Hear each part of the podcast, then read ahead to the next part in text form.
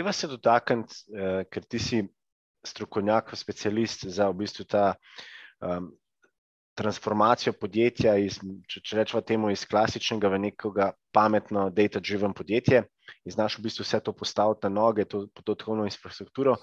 Pa me zanima, kaj bi bil tvoj nasvet, kaj je ta prvi korak? Ker danes veliko podjetij govori, mi smo pametno podjetje, dejansko pa, če pogledaš v, v drobove, pa vidiš, da imajo zelo, zelo malo. Um, ja, bom izpostavil, bo, bo malo okolo obrnil. Bom začel s tem, kaj so taki najbolj pogosti vzorci napak, ki jih delajo pač neki, nek, ali pa antipaterni. Mm. Um, eden je to, da zelo velikokrat pač vidiš, da se podjetje reče, ah, cool, zdaj bomo mi. Se agresivno digitalizirali, postali data-driven, in to je neka tako popolnoma top-down inicijativa, kjer se, pač, ne vem, to se dela na tem pol leta, leto, leto pa pol, prepeleš neke hude vendorje in se potem postavi nek divji sistem ampak vmes pač. Ampak to je tako, popolnoma top-down, noben ne razmišlja o tem, kaj dejansko rabimo, noben ne upošteva uporabnika. Čeprav je pač intern projekt in to je nekaj takega, kar je tudi onkraj, samo recimo um, nekaj analitike, je zelo pogosta napaka pri uvajanju orodij, je to, da pač podjetja ne upoštevajo interno, bi ravno tako mogli upoštevati, ne vem, kaj je uporabniška izkušnja pač kaj so afordnesi nekega urodja, ki ga upeljem, ker to ima zelo veliko, veliko na to, koliko dober bo adoption tega urodja, oziroma koliko radi ga bojo uporabljali, pa koliko bo nekaj trenja, koliko bo zadovoljstva. In to pač veš, mislim, da top-down stišiš, je potrebe so bolj, ko ne se pojjo zreducirajo na to, da pač tam neki te C-level da hoče imeti tam dva dashboarda, kjer bo videl pa to isto stvari in potem pač iz tega mal par korakov še greš nazaj. Dobrodošli v podkastu Beyond Leadership, kjer gostimo izjemne posameznike in odkrijemo nove dimenzije vodenja in njihove talente in recepte za uspeh. Z mano je danes en zelo, zelo poseben posameznik. Uh, lepo pozdravljen, Simon. Mark, živijo, hvala, da si me povabil. Se že veselim najnega pogovora. Tudi jaz, tudi jaz. Zdaj, preden gremo v, v drobove, pa spoznavati tvoje izjemne poglede, dosežke, izkušnje, bi te jaz pred našim poslušalcem predstavil, tako da bojo razumeli, zakaj pravim, da si izjemen. Zdaj, ti si pomagal že, bom rekel, več uh, deset oziroma stotim podjetjem postati data-driven, uh, tako tega se je opal tudi dotaknila. Uh, pomagal si jim nadgraditi njihove digitalne oziroma podatkovne oddelke in pa celotno infrastrukturo.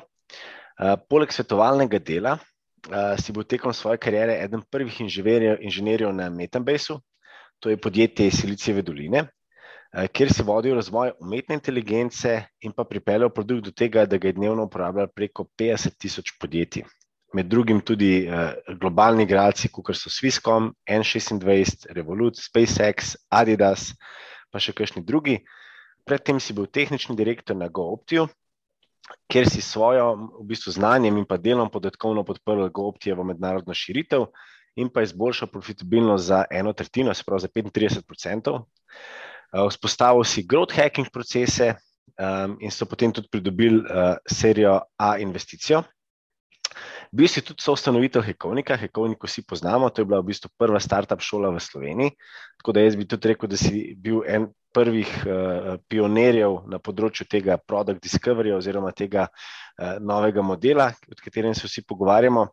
In si pustil tudi izjemen pečat na slovenski startup sceni, tako da te vsi poznamo si zelo iskan predavatelj doma in pa tudi uh, v tujini, zauzet mentor, uh, viden član programske oziroma programerske in pa growth hacking skupnosti.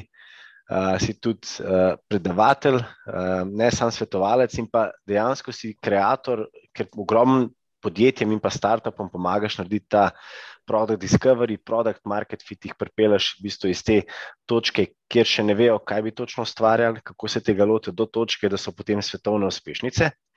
Uh, in zase praviš tudi, da si hacker, slash filozof. Tako da, Simon, še enkrat dobrodošel. Hvala.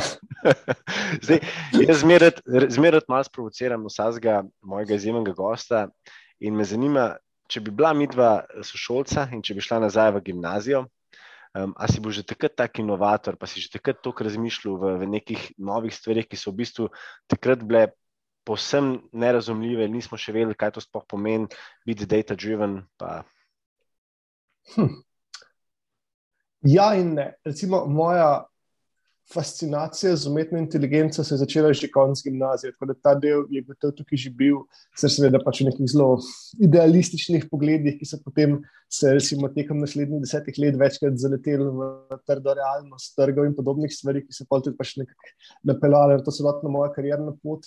Tudi ne vem, v srednji šoli sem bil um, udeležen v raznih odprtokodnih projektih. Bil sem eden od prvih, recimo, ko smo Kiberpipo začenjali, pa tako naprej, tako da ta komunity del mi je bil vedno pomemben. Konec koncev, že, že v osnovni šoli sem se ukvarjal z robotiko, sem bil tudi trikratni državni prvak v robotiki, že v osnovni šoli. Tako da nek ta, um, mislim, mogoče ne bi se ravno pač definitivno ne bi rekel, da sem bil ne vem, neki inovator ali pa neki tace, ker se mi zdi, da pač to ne, ampak sem bil pa tako, bi pa definitivno rekel, da sem bil zelo hardcore geek um, pa tudi več, kot samo tako ne površim, ampak da sem dejansko razdelil stvari delati. Tudi, recimo, takrat sem bil v srednji šoli, sem bil um, zelo vse to sceno overclockanja, pa sem pač računalnik, ker sem sam zgradil vodno hlajenje, tako da sem šel nek odpad, pa sem tam vzel nek radiator, da sem ga avtomobila, pa pol sestavil, pa neko vodno črpalko iz akvarija, pa tako naprej. Si dan danes pa še lahko vse kupiš, ampak takrat smo to vse sami gradili in smo se potem tudi spomnili tam posloteh.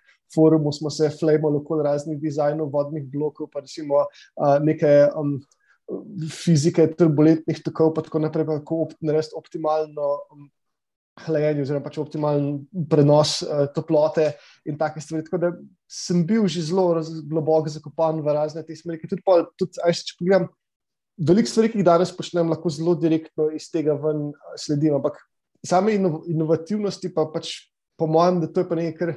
Vem, so ljudje, ki recimo imajo to že od vsega nekega začetka, neko tako globoko poslanstvo, ki mu potem samo sledijo. Tega moram reči, da si nikoli nisem doživljal ali pa domišljal, da imam, ampak samo pa.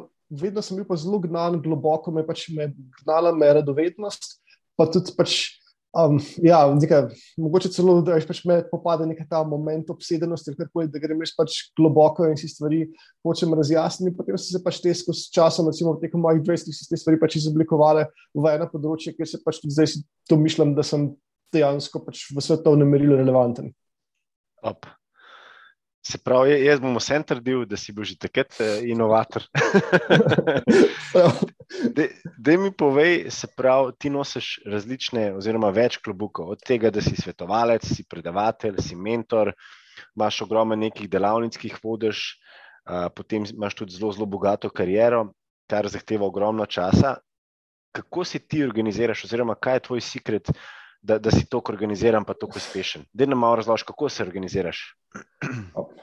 To bo zelo veliko razočaranje, ker sem ogromno pogledih grozno kaotičen človek.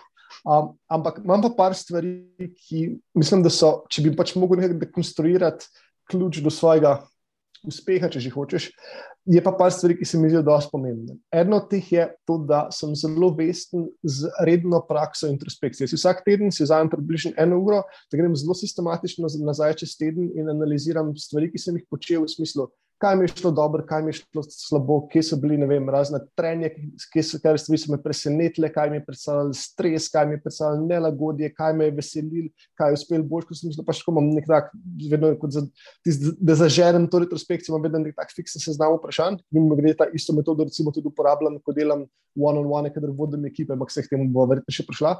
In ta del je, je gotovo nek tak, kar mi pač. Omogoča samo izboljševanje, na vkljub sicer predvsej kaotičnemu življenju. Um, druga taka stvar je, da pač sem se sprijaznil že dolgo nazaj s tem, da bom do določene mere prokrastiniral, ampak kar pa lahko naredim, je pa to, da lahko to prokrastinacijo usmerjam v produktivne smeri. In to je tudi, pač, ali se mi zdi, da del te moje razmazanosti, čez precej področji, ki jih pokrivam, je ravno pač tudi v tem, da ja, se hitro, ne vem, naveličam, pa hitro fascinacija potem nekam drugam, ampak sem pa pač se pa tega do te mere zavedam, da moje prokrastiniranje ne bo to, zdaj bom pa ne vem, bluzu po YouTubu ali pa gledam Netflix ali tako, ampak pač samo drug stebr nekih stvari, ki me zanima. Veš, če pač ne vem.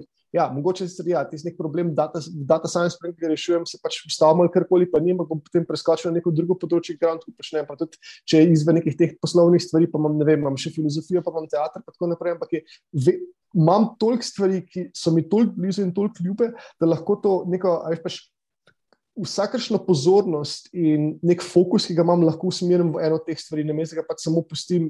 Nikoli nisem se ne postavil v vlogo, da sem samo nek pasiven odjemalec nekih vsebin, mm. ampak je vedno pač to nek aktivni fokus, če me nekaj počnem. In tako po eni strani pač dobro, vse imam veliko teh uh, front, ki jih pač potem porivam naprej in jih pač malo s tem porivam, poleg tega sem pa tudi zvedel. Veš, če recimo na ven ne dosežem nekih premikov, kar se pa zgodi, so pa to še vedno stvari, ki na nek način mene izboljšajo. Izboljšajo moje razmišljanje, izboljšajo moje splošno razgledanost, mm. to potem sestavlja skupaj. Tudi taka recimo, zadeva, ki jaz fulj podarjam, kadar mentoriram, sploh pač mlade na začetku karijere, je ta koncept um, skill stack. Jaz sem tukaj že zdaj upravičen, jaz bom uporabil pač predvsem angliški. Ne, ker da je kaj. Ja, se, se, se veš, kako je to, ko pač smo toliko to upeti. No, in pač ideja teh skill stackov je, da veš, dan danes po eni strani imamo to ful močno. Um, uh, Nek tok, ki nas žene v smer tega, da se globoko, globoko specializiraš. Celotni izobraževalni programi, konec koncev, pač podrejen temu.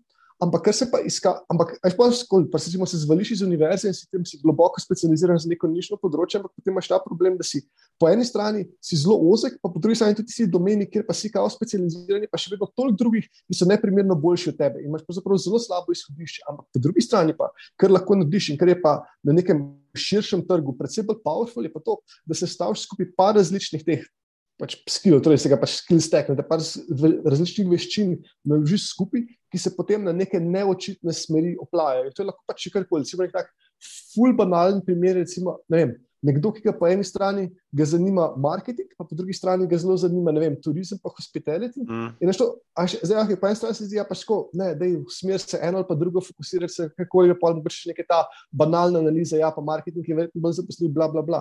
Ampak ne, ampak po drugi strani pa, če se ti pač Oprimeš tega, ok, meni to zdaj oboje zanima, si pa kar naenkrat najdeš neko nišo, ker lahko delaš pa marketing v hospitality, mm. ker črpaš iz tega, da imaš dejansko že do neke mere domensko poznavanje področja, predvsem boljš, ker bi ga imel nek tako random junior, ki je tvoja konkurenca in se pač to plaja s tem. In iz druge smeri med ljudmi, ki so pač primarno v hospitality, si ti eden boljših, ti se koliko marketing znanja lahko prepeleš. In je to ti je takoj pač bližnjica, oziroma si lahko ali močnejši kandidat, ali pa takoj prestopiš par teh najbolj začetnih poti, ker si že pač iz obojega preneseš in potem to razviješ naprej. Pa se ne vem, daš nek tretji stebr, ko je ne vem, ali je leadership ali je vem, javno nastopanje, kalkul in potem pač s tem v bistvu skoraj pač svojo kariero razvijaš skozi to, da imaš mm. različne stebre, ne meste, greš samo enega v globini. In tukaj se pač mi zdi, da je to nek tak, dost pač prenosljiv del, ki tudi ga sam pri sebi poskušam zelo prakticirati, ravno to, da pač imam par teh stebrov, ki se mi zdi, to močno. To je tisto, kar se vem, da sem pač malo samo všeč na rekel na začetku, da se pač so neka področja, kjer se si domišljam, da sem svetovno relevanten ali karkoli, ampak to je ravno ne zato, ker bi bil v eni specifični stvari toliko dober, ampak zato, ker sem sestavil si pač nek tak stek skillov, ki vem, da ga ima zelo, zelo malo ljudi, da je pač naravno toliko globine na parih področjih, da ko se skupaj sestavljajo, dobiš pač nek ta nelinearni učinek, ki se sestavljajo skupaj. A veš, da nisem nikoli v bistvu tako razmišljal in se mi zdi, da nas doskrat učijo, da, ja, tako kot si rekel, fokusiri se na eno stvar. Um, ker tudi mene, jaz tudi v svojem prostem času, ko pač pridem do neke kapacitete v, določenem, uh, rekel, v določeni smeri pri kakšnem projektu, grem pol tudi ne Netflix, ampak ja, ponovadi grem kakšen Business Insider ali pa kaj tasga, me, me ful zanima, ali pa kakšen Bloomberg, se pol ful v to fokusiram in mi je tako, mi je v bistvu to moj prosti čas, me, me ful fascinira. Uh, ali pa tudi kakšna knjiga, ali pa podcast. Tako da mi je ful fascinantno, no, kaj si v bistvu rekel, ta uh, skills stack. Tako res noro, no. po mojem, moje, res zelo, zelo dober na svet. Ker, kot si rekel, se pol res zniširaš, pa dejansko dobiš full, full broad knowledge. No. Ja, še to ti tudi, pa ne vem, pa ti ful bolj odpira vrata na razne konference, pa vse mogoče stvari, ker pa ti mal ven izstopaš, pa imaš, oziroma ne vedno lahko pol poteg, ali greš bistveno bolj v abstraktno kot večino drugih, ali greš pa ful bolj v konkretno kot večino drugih, ampak imaš to pač na tem polju, se lahko predvsem je manevrski prostor, ki ga imaš za pozicioniranje, se ti naenkrat zelo lepo odpre. Deva se dotakniti, eh, ker ti si strokovnjak, specialist za v bistvu ta um, transformacijo podjetja, iz, če, če rečemo temu, iz klasičnega v nekega pametno, data-driven podjetje in znaš v bistvu vse to postaviti na noge, to podatkovno infrastrukturo. Pa me zanima, kaj bi bil tvoj nasvet, kaj je ta prvi korak? Ker danes veliko podjetij govori, mi smo pametno podjetje, dejansko pa, če pogledaš v, v drobove, pa vidiš, da imajo zelo, zelo malo. Um, ja. Bom izpostavil, bo, bo malo okolje obrnil. Bom začel s tem, kaj so taki najbolj pogosti vzorci napak, ki jih delajo, pač neki, nek, ali pa antipaterni. Um, mm. Eden je to, da zelo veliko pač vidiš, da se podjetje reče, ah, cool, zdaj bomo mi se agresivno digitalizirali, postali data-driven. To je neka taka ponoma top-down inicijativa, kjer se veš, pač, ne vem, to se dela na tem pol leta, leto, leto pa pol, prepeleš neke hude vendorje in se potem postavi nek divji sistem. Ampak vmes pač Ampak to je tako, popolnoma top-down, noben ne razmišlja o tem, kaj dejansko rabimo, noben ne upošteva uporabnika. Čeprav je pač intern projekt in to je nekaj takega, kar je tudi onkraj samo recimo. Um, Nekaj analitike je zelo pogosta napaka pri uvajanju orodja, je to, da pač podjetja ne upoštevajo interno, bi rado mogli upoštevati, vem, kaj je uporabniška izkušnja Veš, pač, kaj so afordnesi nekega orodja, ki ga upeljem, ker to ima zelo velik, velik vpliv na to, koliko dober bo adoption tega orodja, oziroma koliko radi ga bojo uporabljali, pa koliko bo nekaj trenja, koliko bo zadovoljstva. In to pač, veš, mislim, da top-down stišiš, je potrebe so bolj, kot ne se zreducirajo na to, da pač tam neki te C-level v, da hoče imeti tam dva dashboarda, kjer bo videl pa drugih stvari in potem pač iz tega mal par korakov še greš nazaj. Ampak to je, kar se tukaj pol zgodi, je to, da si vložil si tam ti svoje leto plus časa, imaš sistem, ki ga noben zares ne mara, še vedno ti tako 90% firme ti dela na tem, da si pošiljajo Excel, tam ti verzija 4, početaj 2, početaj nova, početaj Marinka, početaj 3 in to gre gor pa dol in je pač isti, ali pa ne isti, ampak še večji kaos, zato, ker vsi pač nominalno si rečemo, ok, se pač to bi moglo biti v nekem našem BI sistemu, ampak dejansko imaš pa še ta nek shadow BI sistem, ki je pač legacy sistem, ki se ga uporablja, zato ker je enostavno trenje in uporabniška izkušnja tega novega sistema slabo. To pomeni, da pač to je prva napaka, je, da se ne razmišlja se skozi potrebe, ampak se gre potem pač z glavo skozi ti veš neke te best practices, ki jih tam prebereš v Business Insiderju, pa v HBR-ju, pa tako naprej. Je, vse tiste pač kul cool za motivacijo, ampak problem je pa, ko stvari, ki so pisane za motivacijo, postanejo implementacijski načrt. To je pa tisto, kjer se potem se zalomi in pač delamo samo zato, ker vsi delajo nekaj podobnega. Mm. Po drugi strani, pristop, ki ga jaz uvedem, je, kadar pač delam s podjetji, nekaj takega, da pač sem si sposobil tudi iz produktnega razvoja, da se dela najprej čiste uporabniške zgodbe, da je pač, kot imaš neke te kratke formulacije, kot jaz kot pa je neka moja funkcija, bi rad dosegel to in to. Um, jaz pa še dodam, da pač je še nek impact, zdaj, ker recimo pri analitiki imaš nek specifičen problem, da je veliko tako, da bi ljudje radi gledali neke številke, pa radi imeli grafe, pa ne vejo ravno zakaj, pa kaj bi se s tem pomagali. Zdaj je pač zelo dobro, da imaš potem še impact od zadaj, da jih prisiliš, da razmišljajo, če ti ne znajo odgovoriti, kaj se bo zgodilo, ko to imam, potem to verjetno ni toliko pomeniš. Pač te zgodbe vse a, nabereš in potem jih lahko, pa, ko imaš nekaj zgodbe nabrane, pa greš, cool, zdaj pa za vsako posamezno, kje iz podatke rabim, da to lahko naredim. In to je pa, je pa še oceniš potem čistih takih, recimo, ne uporabljam ta PI framework, ki se ga tudi v growth hacking uporablja, tudi meni, uh, probability, impact, effort, ne, ka, s kakšno verjetnostjo mislim, pač kak mislimo, da bomo imeli to učinek, koliko težko bo to narediti, pa s kakšno verjetnostjo mislim, da bom pač dosegel željen učinek. Ampak tudi, kako to rangiraš, konec koncev, sem, sem pač poanta, da nekaj rangiraš in pa pač pogledaš, kaj ti si ta prvih par, odrežeš, pogledaš, kje je izvor, rabaš in potem je tako čist popolnoma iz potreb, popolnoma bottom-up, bottom naredimo potem um, načrt, kako moramo počasi dogrevati našo infrastrukturo. Ampak je vedno tako, da pač je že ko nekaj postavim, bomo precej hitreje imeli ta nek end-to-end loop in te prve stvari, ki bom postavil, bojo tiste, ki jih hkrati, z tega, kar sem prioritiziral, že vem, da bojo proizvajali največ vrednosti v mojem podjetju in se potem tako nekako organsko stvar širi. In to naredi masivno razliko, ker je pač deliveraš precej hitreje, poleg tega ti pač kar deliveraš stvari, ki so dejansko za ljudi relevantne, in potem tudi pač, greš nek normalen, kot bi šel produkt na razvoj um, drugače. To je tudi tako, ena stvar, ki jo recimo, kadar delam z raznimi obstoječimi analitičnimi oddelki, pa jih malo pomagam level up. Ena od glavnih stvari, ki se pogovarjamo, je vsaka stvar, ki jo naredite, vsak dashboard, report, karkoli, gledajte na to kot nek mini produkt in ga razvijete kot tak. Upoštevajte, kaj so moji uporabniki, kaj je njihov celot, kdaj bodo oni uspeli, zakaj bodo to uporabljali, ker ni to pač ta dashboard, neki sam sebi namen. Jaz ne grem za ta dashboard, da bom videl te podatke, ampak grem zato, ker jaz pač to rabim tekom nekega širšega loka stvari, ki jih delam. Razmislite, pač, kje je outcome jaz rabim, da bom jaz uspel v svojem delu in potem, kako najboljš lahko to data oddelek mi, mi pomaga pri tem, da uspem. In to je pač vsako stvar. In ta reorientacija naredi masivno, masivno razliko pri tem, koliko je recimo tudi potem nekako na dolgi rok, koliko je engagementa z raznimi temi BI stvarmi, ki se jih zgodi. Um, to, je, to je pač prva napaka, pa druga taka napaka je to, da um, se preveč se zanemarja to, da um, BI ali pa analitika je eno področje, kjer hitrost odgovora zelo, zelo veliko razliko naredi. A je še ti jaz lahko za večino vprašanj, ki jih zastaviš, odgovorim tako v parih minutah, To pomeni, da lahko na vsakem sestanku, ki ga imaš, v vsakem brainstormingu, ti imaš neko vprašanje, puf, gremo pogledati podatke, potegnemo ven uporabo. Pač dve minuti ti ne bo dal toliko frikšna, da bi pač ne, ne mogli iti naprej. Mm. To je idealno. Um, potem, zdaj, pač ne teh številk, točno dve minuti, pa naslednje, ki bomo imeli, pač ne zdaj, da so, pač so fiksne, ampak je tako, da, da je malo bolj pač plastično. Um, recimo naslednje, tako nekje, ne vem, do 20 minut, pa ure, čez taski traja. To je tako, da verjetno se bo to lahko umestilo v isti dan, da bo pač bo tvoj analitični model to naredil, bo že pač nekaj najdel, pa ti bo to vam potinil. Ker ni realno, ampak to je večinoma good enough. Še, ampak potem pa je finta pa v tem, da vse, kar traja pa več kot 20 minut, pa v bistvu vse ne traja 20 minut, ali pa traja tako, ne vem, 3 dni ali pa en teden, vse, ker vse to pa pač bo verjetno šlo v naslednji sprint, to pomeni, da si pač tako za en teden, 14 dni bo tako počakal, da sploh pride na vrsto, da se naredi.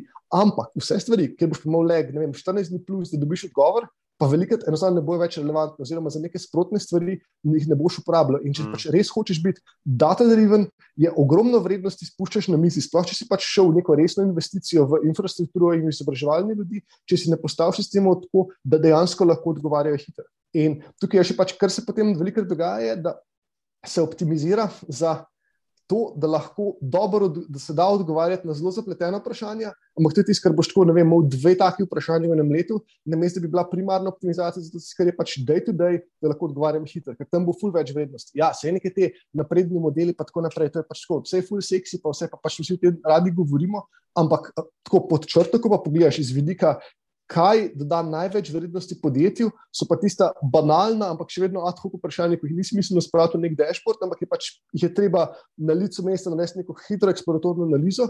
In če za tisto imaš porihtan sistem tako, da lahko dobiš odgovore hiter, to je tisto, kjer se začne dogajati transformacija. Wow. Jaz sem rekel, že sem navdušen, ker imaš toliko znanja, da, da je res izjemno. Deva se dotakniti tega tvojega izjemnega primera, kjer si v GoOptiju v bistvu pripeljalo podjetje do tega, da se je profitabilnost dvignila za 35%. Ker jaz se spomnim, GoOpti je bilo v bistvu podjetje, ki ni bilo tako znano, potem v nekem trenutku so pa, oziroma ste pa takrat kar eksplodirali. Da, kako, kako se je to sploh zgodilo? Pač, to je bilo pač ta optimizacija, kar je bilo to doseženo, je bilo prek postavljanja cen. Ker zdaj GoOpti je imel vedno do neke mere dinamične cene, ker je celoten pač poslovni model GoOptija je temeljil, še vedno temelji na tem, da je pač rabiš neko določeno število sedežev med zasedenih in potem si profitabilen. In to je pač tako nemo v DGM, mi pač moramo te kombije toliko pa to spakirati, da recimo, ne vem, tistih, pač v mojih časih je bilo približno, če smo prodali tam 4 do 8 sedežev, je bilo načeloma je bila fura profitabilna. Oziroma, če greš po full specifike, ni sedež prse, ampak smo imeli neko tako izvedeno metriko, sedež kilometer, ne z tega, da pa veš, kilometer, pa še enkrat malo bolj poln, pa se pa ja, ja, ja. to pa pač to znormaliziraš, nek sedež kilometer. Skratka, je bila ideja, ok, to moramo, to je tisto, kar mi vemo, da je pač odloča o naši profitabilnosti. In zdaj, kar potem lahko si predstavljaš, da pricing pravzaprav v neki obliki deluje kot hedge zato da pač ne imam, jaz imam neko tveganje s tem zasedenostjo in potem, kar lahko naredim, je to, da kadar vem, da bom imel tako, tako dobro zasedenost, si lahko pravošem pa cene spustim, z tega, da sem pač res agresivno konkurenčen, pa da lahko tudi tisto grešujem, ne vem, ne, Ljubljana Benetke za 12 let, yeah. Kitajska. Yeah. Mislim, vse to je bilo ležiti, pač v drugih časih, ko je veliko ljudi potvali, smo pač smo te cene brez težav pač dosegli, ker smo tako vedeli, to so bili pač kombi, ki so imeli, ne vem, zasedenost 100% ali pa pač, ne vem, 7-8 sedežev polnih in je bilo pač super. Tukaj si lahko pravošiti ceno dol. Pol imaš polne situacije, ko si pa tako nekaj te borderline, ko je tako, nisi zihar, da bo ne vem, si tam nekje med 3 do 5 sedežev, pa imaš malo pač nejasnosti. Tam greš valjda s ceno gor, ki pa konc koncev, da a če pa jih prodaš, tudi morda 3 sedeže, ampak če jih prodaš dražji, ti bo pa še vedno pa še profitabilno, ker bo pač yeah. Ja. tisto, ne, kul. Cool. Hkrati pa, ko ti pa pač pade po to, hočeš pa celo to dvigati, da, da deluje kot deterrent. Oziroma, če nekdo, ki res pač tako ful hoče, ok, kul, cool, mu prodaš po precej višji ceni, z tega, da saj do neke mere pokriješ, pa se mu da celo prejšnjo nulo, čeprav to vedno se ne zgodi. Za velik ti pa, pa čisto všeč, da takrat reče pač ljudi, ok, GoPT je tukaj predrag, bomo najdel neko alternativo. Ker až po drugi strani iz vidika um, pozicioniranja, pa percepcije storitve, ti pa še vedno hočeš vedno ponuditi prevoz.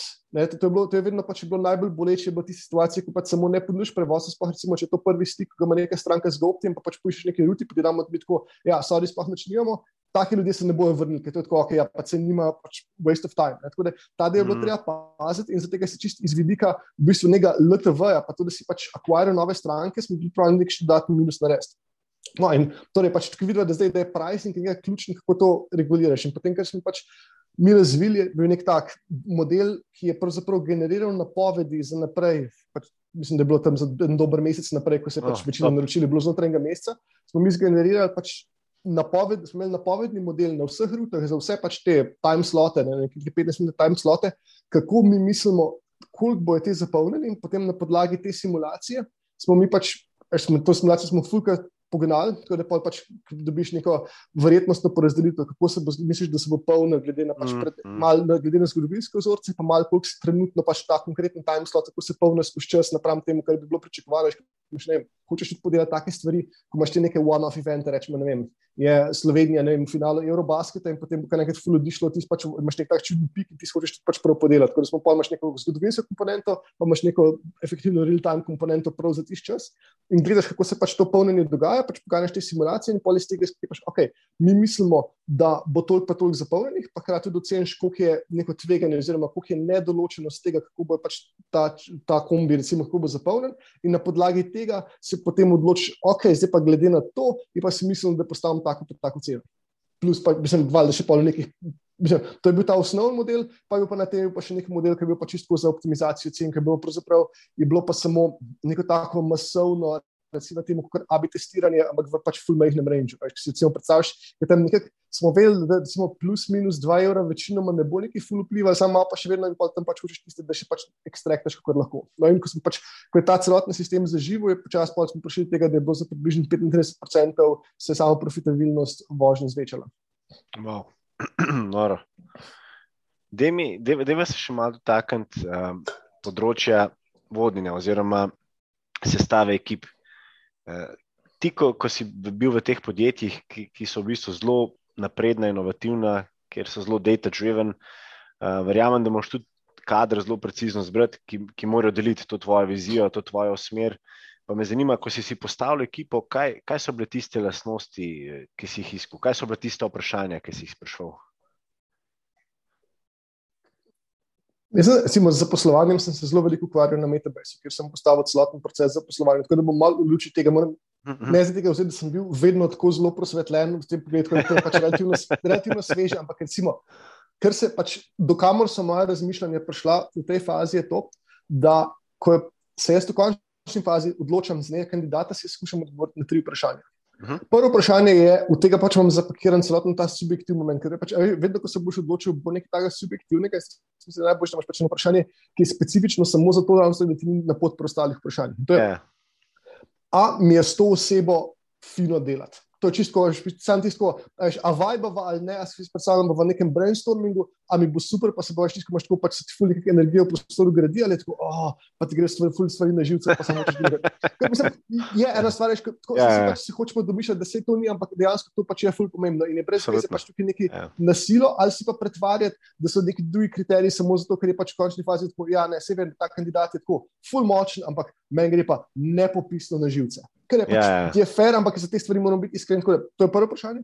Drugo vprašanje je, koliko visok mislim, da je njegov pač, ceiling, kakšen kak, um, potencial mislim, da ta kandidat ima. Ne glede na to, kje je zdaj, samo pač veš, koliko delač še lahko pride. Mm, In tretje mm. vprašanje je, kaj je najbolj kompleksna stvar ali pa najbolj odgovorna stvar, ki jo v, pač na točki, kjer je zdaj, sem pripravljen zaupati.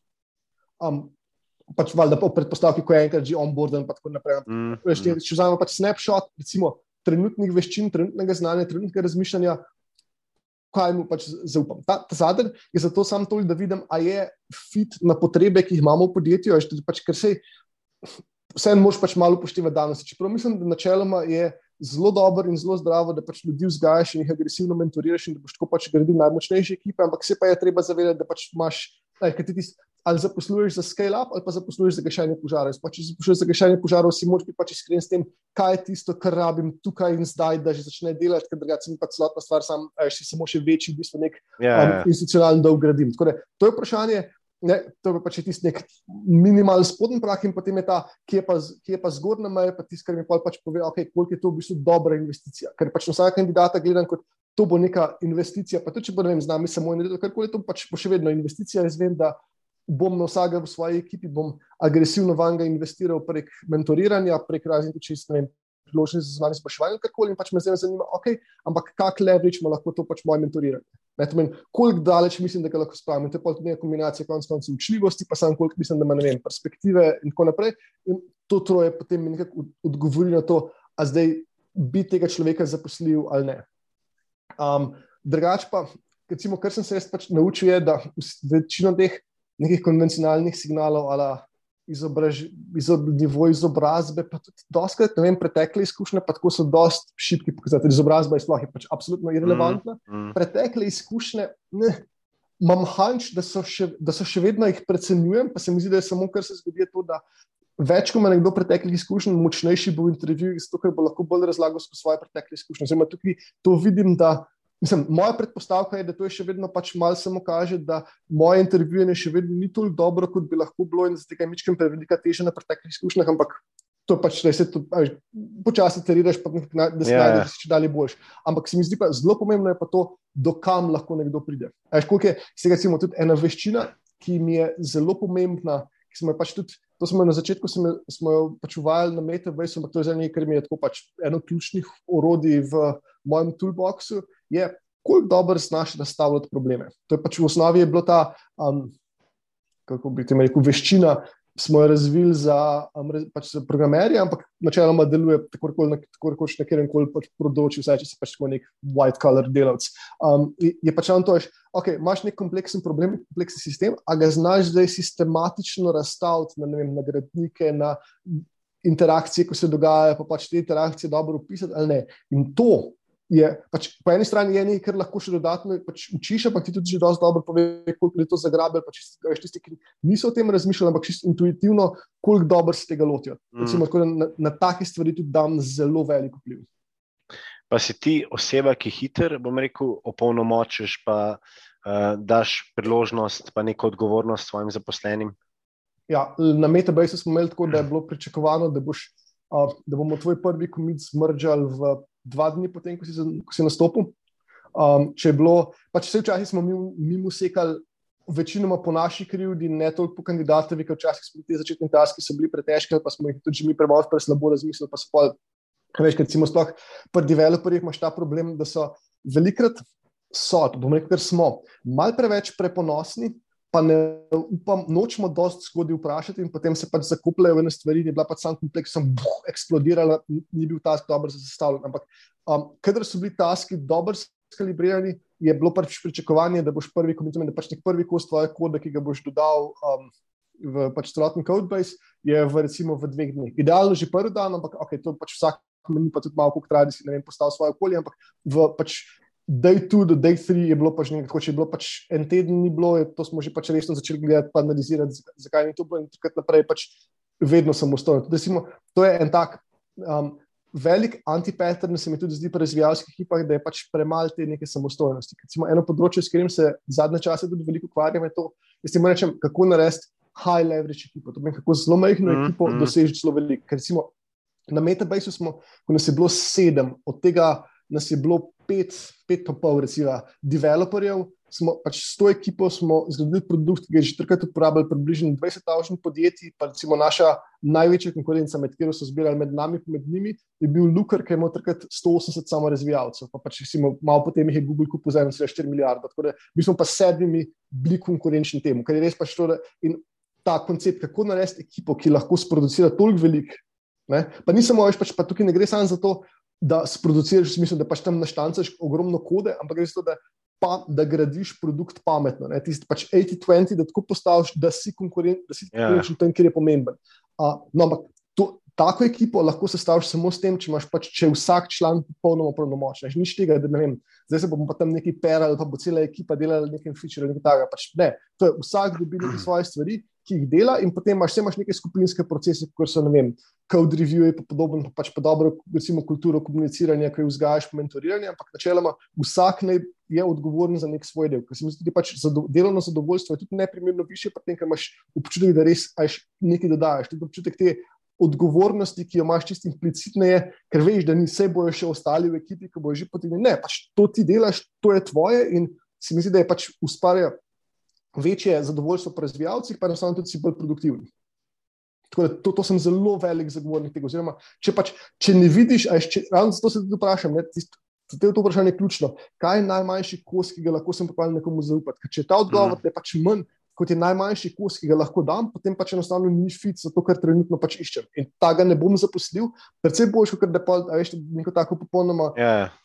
Podrejeno, ker ker sem masivni zagovornik pač mentoriranja in tega, da ti level upaš ljudi, ampak se pa treba pač se pa ne dajem utvarjati, to ni pač neko pač popolnoma linearno, kot gre moje veščine, gore, ampak so pač neka območja, kjer so linearne. Takrat lahko pač, pa se ne vem, celo mogoče še pač hitreje, kot je pač nekaj eksponentno, te level upamo kul, ampak so pa tudi neka področja, kjer tega nikjer bi bilo pa toliko, v bistvu že najprej se prebiti skozi nekaj stvari, da bi začel res rasti, da pa enostavno tudi ni fit, ker to tudi je pač te demoralizira.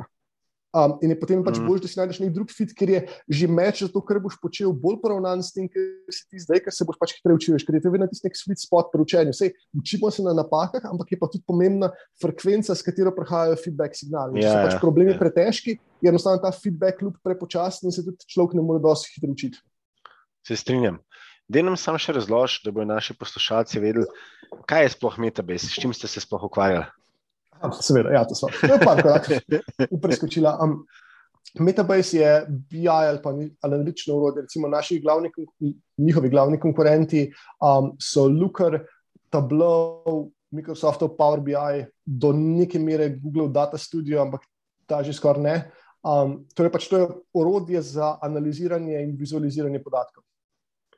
In ker je bil recimo pač ker je dve področji, kjer je Metabase zmagal in sta bile pač tudi ključni del našega pozicioniranja.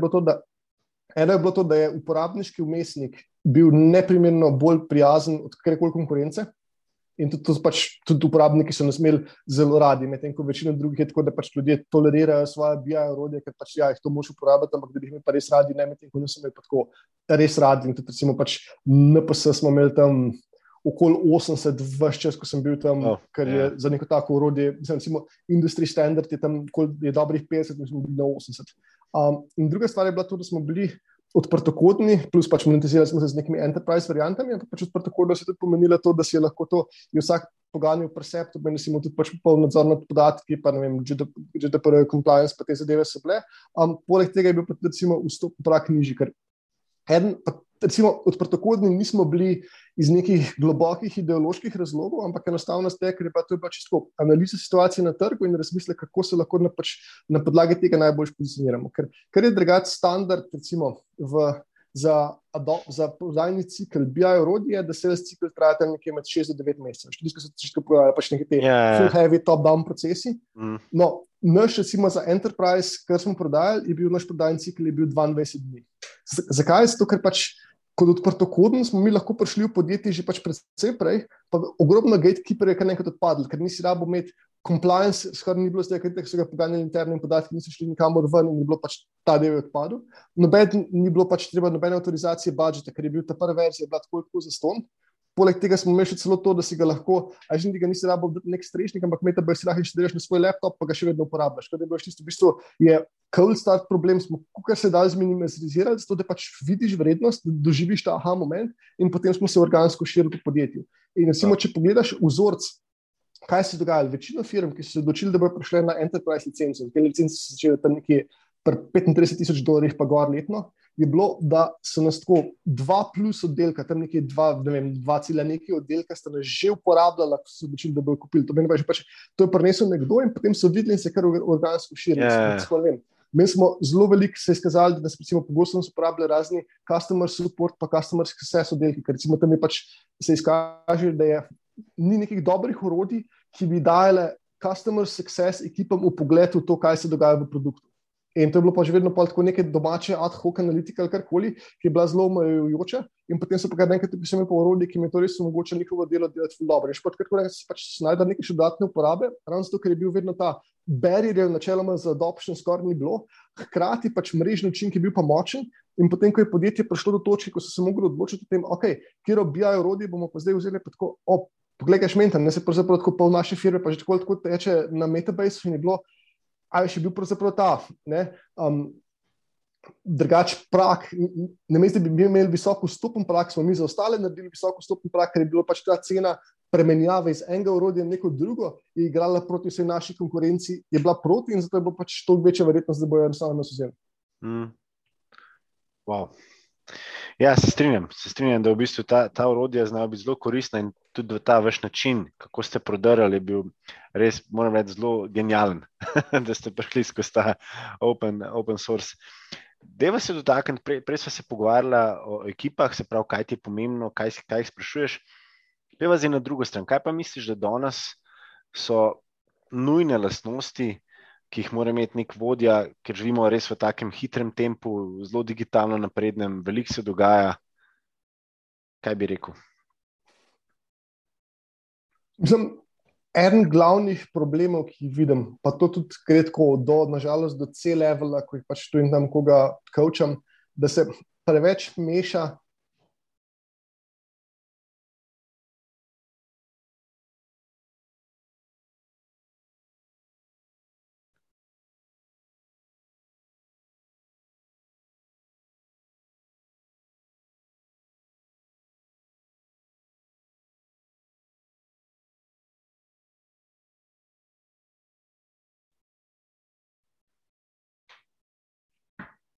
Čas ima, se sliša?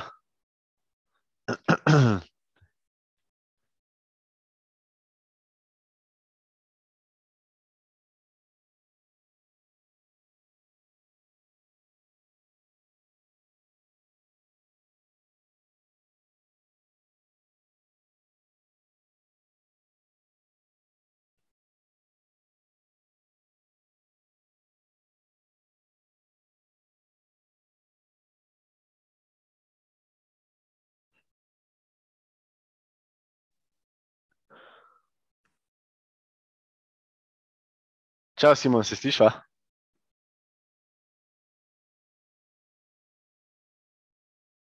Halo? Ja, se sliša? Se sliša? Se, ja. Halo? Ja, jaz, Ja, jaz tebe slišim. Ti mene... jaz tudi samo malo te prekinja.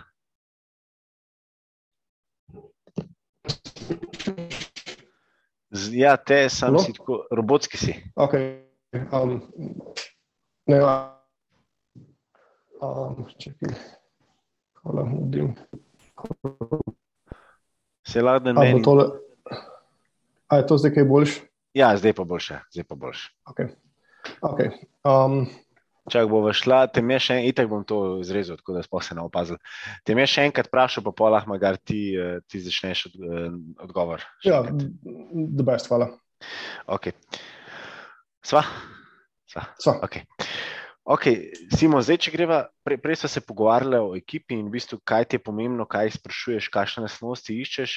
Peva zdaj na drugo stran. Kaj pa misliš, da so danes nujne lastnosti um, dobrega vodje, ker živimo res v zelo digitalno naprednem, hitrem času? Pa pol bi te še malo izval, pa bi rekel, kaj so pa tvoje dobre lastnosti. Vela. Um, spet bom začel s antipatterni. En tak antipattern, ki ga opažam, recimo, ko coacha razne liderje, in to tako vključno do C-levela, je to, da zelo veliko ljudi meša menedžerstvo pa leadership, ki se mi zdi, da sta pač dosta različna. In um, potem, kar se zgodi, je to, da je po eni strani še linija najmanjšega odpora, te pač te vleče v management. Tam je vedno pač tako, je dosti clear, kaj moš narediti, so pač ti neki nas- naslednji koraki. In ko leadership je pa po eni strani dosti bolj neoprijemljiv, ampak po drugi strani pa so toliko bolj high leverage. In kar se meni zdi pač ključne lastnosti pač pri leadershipu je, prva je komunikacija. To skoraj vedno, kadar pač recimo, koga kaučam in potem, ko nazaj gledam, ko pač izpostavke, da to pa šlo tako ali pa, tako ali pa drugače na robe, pa ne od tega, da smo, ne vem, nismo neki deliverali, kar bi mogla, pa zdaj, ne vem, smo ful nekih bagov spravili produkcijo, ali pa samo nekdo v ekipi mi ful underperforma. V, pa to sem dejansko šel pač nazaj gledati, ker jaz pač, kot rečeno, delam te perspektive in pa tudi ko pač to malo, ker, ker se da data driven. In pač vsaj pri tem vzorcu ljudi, s katerimi jaz delam, je, je v približno slabih 80% se da problem zreducirati na to, da komunikacija ni bila dosti jasna. Pomeni, da pač je načeloma se vedno se premalo, poveš, pač se enkrat tega ne vem, ali se ne skomunicira dosti alignment, ali se ne skomunicira pač pa, pa pri tega, zakaj nekaj počnemo, ali kako in kaj, pač to veš, kako, kaj so kriteriji za uspeh, kaj so razlogi, da to počnemo. In ker pa tudi, veš, pa to ni, ni problem tukaj samo recimo v motivaciji, ali pa ni da, ampak je problem v tem, da če ne stvari ne skomuniciraš dosti dobro, enostavno zmanjšaš koliko so lahko ljudje dobri. Zdaj, kar jim odtegneš, je to, da ne morejo več delati toliko dobrih trade-offov, ker ne razumejo celega konteksta dosti dobro. Oziroma, če ga pač ti slabo podaš, bojo oni znotraj konteksta, ki jim je bil podan, se odločili in bojo potem sprejemali neke neoptimalne odločitve. Ali pa tudi tebi ne bojo znali ta pravi stvari nazaj skomunicirati in pol tudi pač, veš, ta nek svet, znotraj katerega se ti odločaš. Bo mhm. pomanjkljiv in ti bojo ključne stvari, ti bojo manjkale. Ampak ključne stvari ti bojo manjkale, zato ker pač ja, veš, vedno pač nočemo ljudi zasuditi sami podrobnosti, oziroma pač teke, s čim si pač si nek leadership poziciji, možje cen smek na nekem višjem nivoju, pa pač imaš input od, od večjih ljudi, gor pa tako, ko bo pač neko kompresijo rabaš. In če, veš, in če ti ne skomuniciraš dosti dobro, kako naj ta kompresija zgleda, ker se bo zgodilo to, da bojo pač napačni podatki v tebe prišli in potem se pač se ujameš v nekih ciklih, pa pač pa nek lokalni optimum, namesto tega, da bi res največ, kar bi lahko izkoristili. To, to je en tak velik, velika pomanjkljivost. Druga je to, da um, je zelo velikrat se ljudje, ajš preve, preveč se zaženejo, in mislim, pač si postaviš si neke cilje, in zdaj pač to bom počel, in se nima pa, kratko pa potem se pa zastavijo periode iteriranja so preširoke in potem pač se zlamo v eno smer, imaš pač fulaj, pač, ne vem, narediš eno, dve iteracije, ki ti pomeni, ne vem, par mesecev časa, kjer se sploh ne sprašuješ, a sem na pravi poti, ampak potem se nekaj znajdeš in zdaj prejši tako, a ja, to pa bi se mi to, kamor sem jaz zares hotel biti. Tako da, cimo, ena stvar, ki sem jaz zelo um, močen zagovornik, je tako, res agresivno kratka iteracija. Meni recimo že, en, že tedenske iteracije so meni precej počasne ker se meni tiče pač tako, par dni in hitro prideš, ker ti to omogoča, je, da potem tudi zelo hitro imaš pač več te, ne vem, imaš ta OODA loop, ne, ker pač mm. um, observe, orient, uh, decide, act. Um, je pač ta, ta prva dva koraka, ne, ne, observe, orient, lahko delaš zelo, pač delaš jih hiter in pa dejansko ujameš dosti pač hitro, kaj se dogaja. Tukaj seveda je pač je neko ravnotežje, ker nočeš tudi, da si pač preveč reaktiven, pa se vsako neko drobno nihanje odzivaš, ampak recimo ta del pač pride z izkušnjami. Ampak fundamentalno, pač, če se odločiš prepočasno, to je strukturni problem. Če pa prehiter skočiš neke odločitve, je pa samo pač problem tega, da morda ne vidiš vzorcev, dosti celostno, pa izkušnja, ampak ta je pač precej lažje popraviti to je druga taka velika napaka, da se pač enostavno se odločitve predaleč vlečejo in se potem in se ne, spre, ne, pač se ne orientir, reorientiramo dosti hitro in potem pač je samo wasted effort. Uh, recimo, trek tak leadership failure, ki ga dosti pogosto vidim, je pomankanje fokusa. Mm. Pač, recimo, to, recimo, sploh v Sloveniji, to se mi zdi dosti pereč problem. Pa ga razumem, zakaj. Zato, ker je pač slovenski sploh če pač začneš tako, da si najprej, karkoli si že delal, samo na slovenskem trgu. Je pač, ker je trg toliko majhen, je do neke mere izrojen in nimaš toliko, nikoli imamo toliko lepih segmentov, oziroma so pač segmenti toliko plitki, da smo vsi pač malo bolj razmazani in pol, kar se efektivno zgodi, je to, da um, sprejemamo neke take pač. Uh, Seveda temu požrešne, kratkoročne odločitve, ker je pač, recimo, tehnika ful preveč na strani exploitation, ne mesto exploration, samo zato, ker že tako ali tako te pač samo um, te neka oblika trga te sili v to, da, da sploh lahko preživiš. In to je nekaj, kar se potem se tega se ne vzameš in to se ful predolgo dogaja. To je pač to ta slovenski problem. Vsak pozna nekoga, ko pozna nekoga na petrolu. In imaš neke mehne start-upe, ki se pač menijo, pa bi nekaj delali s petrolom, ker pa postane tako dvoletni projekt z grozno veliko custom worka, vmes jim zmanjka denarja, ti s petrolom denar pač sploh nikoli ne pride, pa čist premalo, pa pogledaš, koliko je bilo pa še oportunitetni stroški. Veš, koliko so stroški po eni strani tega njega service worka, ki je one-off, ki si ga mogo delati, plus oportunitetnih stroškov, ki si jih naredil. Mm -hmm. Tukaj pač razumem, zakaj do tega pride. Pač je, vem, da je pač težko, sploh, ko si rečeš, odgovoren za podjetje, pa hočeš te preživeti, pa imaš ti se čutiš odgovornost. Imam pet zaposlenih, pa se jim ne smem izneveriti. Pač, razumem, zakaj pride, ampak je pa to eden od ključnih izzivov, se mi zdi, recimo, za sploh slovenske liderje, ko grejo pa pač, ko scale up, pa še ravno to, da se otreseš tega, pa se predvsem bolj uprimeš tega obsesivnega fokusa. Uh, recimo, spet na primeru Metabase. -a. Mi smo pač, glede na to, kar sem že prej razlagal, nekaj smo bili open source in tako naprej, bil ta prak, da nas poskusi še bil zelo nizek. Ampak hkrati mm. pa minus je bil pa to, da naša konkurenca je pač prodajala prek nekega sales procesa, kjer so delali prodajniki demote. In ena od lepot, če delaš to demote s prodajniki, je, da lahko te aha momente, če imaš dobrega prodajnika, zelo dobro skomuniciraš, ker bo pač prilagodil na vsako stranko posebej. Potem, ko mi pač tega nimamo, pa nas je pač ti odpreš metabase in potem mi upamo na najboljši. Zato smo mi vedeli, da je za našo strategijo ključno to, da je onboarding, kot je lahko dober. In mi smo res ogromno, ogromno resursov, pač zato, ker smo bili majhni, popolnoma nerazumno v nekem smislu porabili za to, da smo optimizirali onboarding. Tako, pač, mi smo šli kot ful veliko zmago, če smo za tako par sekund zmanjšali ta čas, od takrat, da si ti študiral metabase, pa do tega, da si dobil pač ta moment. Mislim, ne, mm. Na tej točki je zdaj, po mojem, da traja manj kot 40 sekund, ko si inštaliral metabase, tega, da pač dobiš prvi dashboard, ki ti da vrednost in ti pač tekaš, aha, to je point. Yeah. Ja, ja.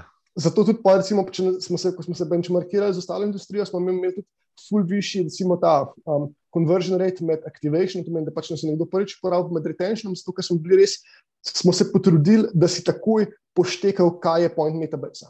A že to, res, to je tiral pač nek fokus, ko je mnogim drugim stvarem smo rekli ne, pa se zares tukaj šli v neke drobne tajle, ki smo vedeli, da to je ena od, kot je pač celotna naša strategija um, going to market in pa pač tudi pol rasti temelji na tem. In na to se moramo res pač divje fokusirati in drugim stvarem reči ne. In ta fokus je tudi nekaj, kar je, je ful težka stvar, ampak ravno tukaj se mi zdi, da je ena od ključnih razlik med leadershipom in managementom. Leadership bo pripravljen, pač, veš, konec koncev staviti sebe in do neke mere staviti podjetje na tem, da okay, to je pa moja stava, tukaj pač potegnem to črto v pesku in tukaj mislim, da bomo mi zmagali. In to te naredi, pač, ampak aj še to, hkrati znaš to dobro skomunicirati svoji ekipi, to je tisto, kar te naredi veliko voljo. Tudi če se v končni fazi izkaže, da ni res, ampak saj imaš pač čisto vez, da vsi bomo, pač vedno je konkurenca. Tudi če imaš pač nek nov produkt, nekaj boš izpodrinil, ker pač v službi konec koncev vsi bomo pač ti si 8 ur dela in nekaj boš izpodrinil s katerim koli orodjem. Mm, tega se pač yeah. moraš zavedati. In vedno je pač možnost neuspeha, ampak kar pa lahko narediš, je pa to, da maksimiziraš možnost za uspeh. In to je ravno s tem, da si pač cool, razumeš, da to je pač moja stava, da tukaj bom uspel in to poskusiš. Plus, seveda, pač hkrati, kar smo se prej pogovarjali, da se dosti pogosto orientiraš, da vidiš, ali je to na mestu, ampak pač sprejmeš odločitev, si pa potem temu res zavezan. Um, in zadnja taka, recimo, kvaliteta um, leadershipa je to, da veš, znaš sebe, veš, to, to je tako, pač se malo floskula, ampak da pač. Znaš sebe postaviti pač na stran, pa pustiš svoji ekipi, da res raste. In en velik element tega je to, kako jih razvijaš in mentoriraš. Ker, recimo, spet, aj se zelo veliko podjetij pač ja, bo na nek način bo vlagalo v svoje ljudi, pa bla, bla, bla, ampak je, mislim, da tukaj ena od ključnih razlik je, da res dobri lideri bojo razvijali vsakega človeka posebej, medtem ko pač poprečni lideri bojo razvijali pozicije. Aj še ne pa ti, da se jaz te posvetim, pa razumem, kako lahko naredim tebe najboljšega, pa mi je mm. pač popolnoma jasno, da veliko tega, kar te bom jaz naučil, boš morda, ne vem, 10% uporabo zdaj, pa boš spet šel na nek nov job, kjer bo to šele do konca, ti bila vrednost, ampak da mi je vse popolnoma udobno v tem, ker jaz, hoče, ajš, jaz hočem tebe narediti najboljše. In to je nekaj, kar ljudje začutijo. Pa se ne mm. tako, ampak veš, ko, ko, pač, ko to iterativno, ko delaš to. Vem, ko se tako pač par mesecev plus razviješ enega človeka, bo začutil tisto, da je pravzaprav jaz hočem, da ti uspeš. Ja, vse uspeš na tej tvoji poziciji, ampak tudi, da ti uspeš kot človek. In aj s tistim pol dobiš to, ker je ta neka, ki se je, ti radi rečemo, karizma, pa tako naprej. Ampak mislim, da ni samo karizma. Mislim, da imaš to, da pač ti dejansko demonstriraš z dejanji zelo plastično, da stojiš za pač tem, kar vsi drugače pač tam lideri na veliko govorijo. Ker, recimo, zdaj, ko si rekel, pač, kaj so moje lasnosti. Jaz, recimo, jaz si ne delam utvar, da sem ne vem, neki divje karizmatični ali karkoli, ampak si pač.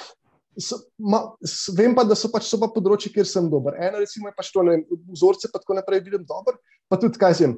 Jaz res mislim, da recimo mentoriram zelo dobro, zato ker se res pač potrudim, da pomagam vsakemu posebej. Tukaj mi tudi recimo pač pomaga to, da že dolg časa mentoriram tudi pač izven svojega nekega redne službe, če hočeš čisto pač samo zato, ker mm. hočem ljudem pomagati in se pač se tudi tam se predvsej boljš naučiš ravno zato, ker ni nekih teh konstrentov, kaj pa zdaj pravzaprav služba od mene hoče, pa kaj je najbolj za podjetje, pa ne rabim žonglirati. To je težko. Sploh na začetku, recimo, je pač, je, veš, spet ti je neko to prepričanje, ko smo ga prej se pogovarjali o fokusu, da rečeš, ok, čeprav vem, da kratkoročne potrebe podjetja so to, ampak ne, jaz bom to dal zdaj na stran, zato ker tukaj vidim, da lahko večji premik s tem človekom naredim nekaj drugega. In tukaj pač mi je precej lažje, pol, kaj te vzorce sem samo videl drugot, pa jih predstavljam na svoje. Tako da tega tudi, recimo, nek tak zelo actionable na svet za vse tvoje poslušalce, ki so v leadership pozicijah, je to, Dajte mentorirati tudi izven službe, zato ker bo vaše mentoriranje v službi se bo s tem ful, ful izboljšal. Mm. Ful mi je tako mind-blowing, ker si rekel, da dajte razvijati uh, ljudi, ne pa, ne pa funkcij. Uh, enkrat sem imel, uh, sem gostil Katarino Rajčevič, ona je regionalna direktorica v zelo velikem podjetju Dun & Bradstreet. In ona je dejansko rekla, da zaposlene svojo ekipo tako polnomoč, da jo lahko vsak takoj zamenja. In mi je bilo tako mind-blowing, da, da greš v bistvu, da se čist odpreš, čist daš ta knowledge transfer čist do konca in, in se ne počutiš niti malo ogroženega. Ja, ne, to, to je res to pa še tako osvobojajoče in potem mislim, da še res je lahko high performer. Recimo, tudi, mm. um, moj pič vedno recimo, za konzulting je to, pa v to globoko verjamem, da jaz merim svojo uspešnost in to je res. Potem, koliko hitro me ne rabite več. Če pač, ko z nekom začnem delati, pač, mene ne zanima in tako reči, da dokaj preziram konzultante, ko pač je to tako, da sem pa tako nek nov geek, pa ga zdaj bom pa tam od njih štiri leta vlekel, pač tam nek uh, retainer. Ne, jaz pač hočem narediti razliko in potem iti na naslednji problem. Ker če, mm. če samo vzpostavim nek dependency, nisem naredil, samo pač sem nek jar, ne vem. Podaljšek na execution strani ali karkoli, ampak to se ne skala, to sem pač samo jaz. Kar se skala je to, da jaz prenesem znanje, prenesem mindset, opravnomočim ljudi tam potem lahko naredijo neprimerno več, kot samo to, da pač veš, mm. z malo nekako. Cool. Mislim, se, okay, recimo, ne vem, nek coaching ali karkoli, morda do neke mere tukaj izjema, ker tam res pač gre za neko dolgotrajen razvoj, ampak Kadar pa pač je tako, da, da si v funkciji res pač konzultanta, ki rešuješ neke specifične probleme, pa to je zelo pomembno, da čim prej sem nepotreben, tam bolj sem uspešen, ker to je tisto, kar v končni fazi pač. Yeah, wow. Deva se vtakniti, ena stvar sem te, sem te hotel vprašati, sicer jaz sem se z delom nadaljavo bolj resno srečal šele s prihodom COVID-a. Ti si pa dejansko vodil ekipe nadaljavo, bil si del uh, podjetja, ki je lociran v Silicijevi dolini. Uh, kar pomeni, da, da si večino časa bil na remote, oziroma si tudi veliko potoval. Pa me zanima, kako ti gledaš na to. Vem, da je to veliko ljudi je to šele zdaj srečalo v tem obdobju in je to neko, nekaj novodobnega, ti si pa v bistvu to srečal že kar precej časa nazaj. Um, jaz sem zelo, zelo velik zagovornik remote dela. Um, zdaj, zdaj pač, oziroma, kot nek tak naprej rečem, zavedam se, da je remote delo pač za vse ne deluje, pa da tukaj pač to govorim iz neke pozicije, ne vem, privilegije ali pa vsaj udobnosti, ki ga morda vsak nima, ker pač ja, še če imaš vem, družino, pa mehko stanovanje, in tako naprej, ker nekaj je pač je sama agronomija, remote dela lahko precej slabše kot sicer, ampak odmislivši to, sem pa zelo, zelo velik zagovornik remote dela in to je iz par zlogov. Um, Eden je pa v ta verjetni ključ, sploh oziroma tukaj najprej sta, sta dva, bi rekel, spostavil razliko v dveh modusih remote dela. Eno je, s tem rečem, sinhrono pa asinhrono. Sinhrono remote delo je to, da imamo še vedno, recimo, pač ta nek 9 to 5, da smo si pač v istem času delamo, ampak samo smo pač lokacijsko razpršeni, kar ima nekaj plusov, ampak tisto, kar se mi pa zdi, da je, je pa res popolna moč. Remote dela je pa to, če rečem, pa asinhrono, da, da je pa bolj ali manj vseeno, kdaj delam, dokler so stvari narejene. Zdaj, zakaj pa se mi zdi, da to je šele tisto, kar je nekaj dovršitev, je pa, ker jaz zelo globoko verjamem, da nas pač nekaj konsistentno imamo tam nekje 4 do 6 ur produktivnosti vse. Tudi, recimo, kadar pač vodim ekipe, to je moja predpostavka, tam nekje 4 do 6 ur smo lahko produktivni, potem pa sam pač radikalno produktivnost pade, pa na neki točki zna postati negativna, če kaj. Um, Ker po eni strani tudi pomeni, da je naloga za me dobrega vodja ravno to, da znam zmanjšati procese, pa način dela tako, da ljudje z najmanj overheada pač dosežejo tisti svoj, mm -hmm. ker so res produktivni. Ampak In eden od način, takih zelo banalnih načinov koordinatiranja nekih sofisticiranih procesov po globokih razmislih je samo to, da pač ljudem postiš, da delajo, ker so produktivni. Jaz recimo vem, meni je idealen ritem to, da zjutraj se zbudim, grem mountain bike ali pa surfati, potem pač počasi na uro pijem svoj čaj in berem, potem delam en čank, pa malo pauze in potem proti večeru in pač v večer delam drug čank. In tako je pač moja produktivnost na ta način maksimizirana. So ljudje, ko ne vem, radi delajo samo po noči, lahko v enem kosu, v večjih kosih, ampak popolnoma nesmiselno je, da pač rečeš, da je tam od 9 do 5 bomo vsi delali in potem pač tam sediš, pa si pač tako si malo neproduktiven, pa malo še bluzi, še bolj po netu. Nezadovoljstvo pade, produktivnost tudi pač ni močna, in ne samo pač vsi izgubljamo čas. Ne, namesto tega je pač toliko večja potem nevarnost burnouta in vse te stvari, samo zato, ker pač še tam z glavo skozi se, se, mm. se, zabijam in poskušam se prisiliti, da nekaj delam.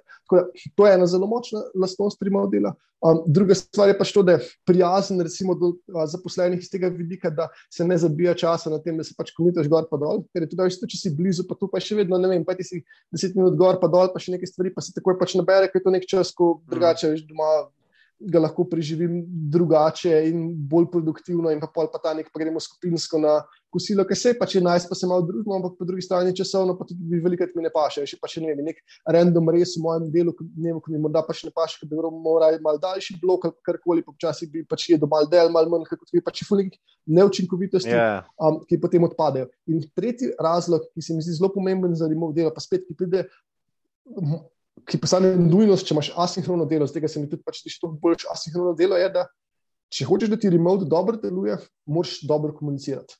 Až ker je grozno veliko nekih pomanjkljivosti v procesih, zdaj lahko skrijemo do neke mere v to, da pač ja, se pa, pa grem tam malo dunga, pa nekaj hitre te ad hoc sestanke, pa tukaj pa za par minut to, pa uro, pa tretje pa zgledimo, vse tisto, kar ni jasno. Ampak to je že samo po sebi neučinkovito, že samo na nivoju tega cikla, poleg tega pa, veš, na mestu, da bi procese izboljšal, se s tem se ne izboljša, ampak samo ta vzorec se ponovi, da vedno pa če greš do nekoga tega in pa imaš kar nekaj en del znanja, institucionalnega znanja, postane zaklenjen v posameznikih, na mestu, da bi bil nek, nek eksternaliziran. Ker ti naredi tudi onboarding toliko bolj problematičen, ker potem tisti, ko pa to naredim, ja, tega vprašaš. In pa leš pač, ne, saj, ko nekoga greš vprašati, tudi um, z, presekaš čas, ki ga ima nekdo. En tak en koncept, ki mi je recimo tudi zelo pomemben v razmislekih v, o delu, pa tudi o vodenju. Po koncu konca se navezuje na svoje prvo vprašanje o tem, kako si organiziram svoj čas. Je, um, ma, pol gre ima ta koncept um, maker time, pa manager time. In mhm. ideja je v tem, da maker time, to meni pač tisti, ki imaš neko kreativno, karkoli pač delaš, nekaj ustvarjaš, rabiš precej večje bloke časa. Medtem ko manager time ko se pa pač ukvarjaš dosti s procesi, pa pač pa z, ljudmi, pa tako naprej, tam je pa naravna kadenca, so relativno kratki, pač ločni sestanki, ki imaš pač v ljudeh. In kar je pa je problem je pa v tem, da ker so menedžeri tisti, ki narekujejo organizacijo dela na mikroravni, potem oni usiljujejo svoj schedule, um, Aha, vsem yeah. ostalim in to zelo fragmentira dan. In to, veš, da pač, ja, se, tist, se zdi, pa se to ni tako veliko, da ne tam nekoga nekaj vprašamo, pa skočimo neki preklic. Ja, sej samo po sebi je to 10 minut, ampak to je 10 minut, ki je pač mene ven vrgel iz nekega flow, ki sem ga moral reševati problema. Pač, in potem grem nazaj in porabim nazaj nadaljnjih 20 minut za to, da si pač celoten problem spet nekako zbašem v glavo, da ga lahko začnem produktivno reševati. In bolj kot to odstranimo, bolj kot to pač delegiramo na neke asinhrone metode komunikacije, ker jaz sam zberem, kdaj bom konzumiral ta nekaj vprašanja, kdaj bom interagiral s temi stvarmi, dokler je pač ne vem, tam v 24 urah karkoli, lahko predvsej bolj to menedžiram in nimam teh upadov noter v v delo. Vse to je do neke mere vidiš tudi kot simptom, pa nek tak polovični bliž, to, ko imajo pol, ne vem, podjetja, ne vem, četrtke brez sestankov, pa neke quiet hours, tako naprej. Ker je, sej, je isti razmislek, ampak pač ni pripeljan do svojega logičnega zaključka. Je boljš kot nič, pa pač, če ne moreš nič drugega, to je še vedno pač je fino med. Ampak da se pa tudi neprimerno boljš, ampak seveda je pa to tisto, kar ni, tudi ko se prej pogovarjali, ko ni vedno tako, da se pač vse stvari, da gre samo linearno, ampak je nek preskok kompleksnosti, koliko moram procese spremeniti in prilagoditi temu, da potem mi to tak način remote dela. Wow. Zelo, zelo dobro razmišljaš, se strinjam. In mogoče bi pa jaz tudi te četrtke uvedel, brez sestankov. se hecam. Um, deva se še dotakniti, um, ti si oče in pa so ustanovitelj tudi prve start-up šole v Sloveniji, Hekovnika. Pa me zanima, kako, kako si sploh takrat prišel na idejo, oziroma kako sta prišla na idejo? To je bilo zelo kolovinka, ker kot sem že rekel na začetku, ne sem že v srednji šoli, sem zelo padel v umetno inteligenco in pač hotel nekaj na tem področju delati. In potem, par let zatem, sem, vem, sem nekaj sem predaval v Kiperpipi, na tem predavanju je bil tudi Kristjan Pečanc, ki me pač poslušal in pa začel pogovarjati in sem se pač ful zaštekal, ker on je tudi bil takrat že zelo. Je bil pripričan, da je umetna inteligenca pač tisto, kar je naslednja stvar, na katero bo on stavil in tudi je stavil celotno svoje početje in življenje na to v mnogih pogledih. In smo se pač tako začeli malo dobivati, pa pač nekaj idej, kako in kaj iz tega lotiti. In takrat smo še imeli oba dva neko tako zelo naivno idejo, kako bova.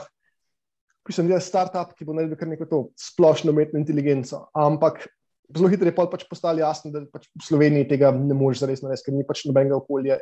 In pač Kristina ideja takrat je bila, ok, kul, cool, um, pobereva šila in kupita in greva v Silicijo v dolino. On je od tega tekmo tam še imel dosti kontaktov, ker je že pač tam v prvem pač dotkom valu imel en startup tam, oziroma pač malo mal za tem, karkoli pa je imel pač, imel poznal je visije, pa tako naprej, pa pač že enkrat je neko firmo, je svojo firmo predstavil v Silicijo v dolino, Čeprav trkrat, zdaj, dan danes spet to je tako, big deal, ampak takrat je pa pač to ni bilo nekako vsak dan, zdaj bomo šli po Silicijo v dolino, pa šli tam startup življenje, ampak on je bil pa eden od redkih ljudi v Sloveniji, ki je to naredil in je pač seveda rekel, da ima to. Ampak jaz sem bil pač takrat upleten še v toliko nekih ne vem, drugih zgodb, pa samo vem, še gledališče, pa to polno, pa tretje, um, ki jih nisem hotel pustiti takrat. In mi pač mi to ni bilo všeč, da bi takrat pač zapustil Slovenijo, in potem se pač bi šel, ok, kul, cool, kaj drug način so prišli tega. Kaj pa, če mi dva zgradiva okolje, ki nam bo potem nekoč omogočalo to, da bomo naredili startup, ki ga hočemo. In iz tega je potem nastal hekovnik, ki bi pač dobesedno to, da sva hotla postaviti okolje, ki pač in, in infrastrukturo, podjetniško infrastrukturo, ki bi jo mi dva rabila. Sicer do tega najnega startupa potem nikoli ni prišlo, ampak a, si pa dobro zgradila. Ja, da premike v startup okolju in miselnosti Slovenije so pa definitivno naredila. Da mi poveš, še, um, tudi ena izmed stvari, kjer si ti specialist uh, in, in imaš ogromno znanja, je tudi ta product discovery. Tako, tukaj bi te tudi prosil, če nam deliš ogromen uh, podjetnikov, nas tudi posluša, uh, ki, so, ki so že šli startupi čez verjetno neko, neko fazo. Je pa tudi dosti mladih študentov, ki pa še razmišljajo, da bi šli v nek korpo svet, da bi šli svojo pot. In me zanima, da nam malo sploh predstav ta proces uh, razvoja produkta oziroma tudi pol product discovery, da bomo malo razumeli. Ja.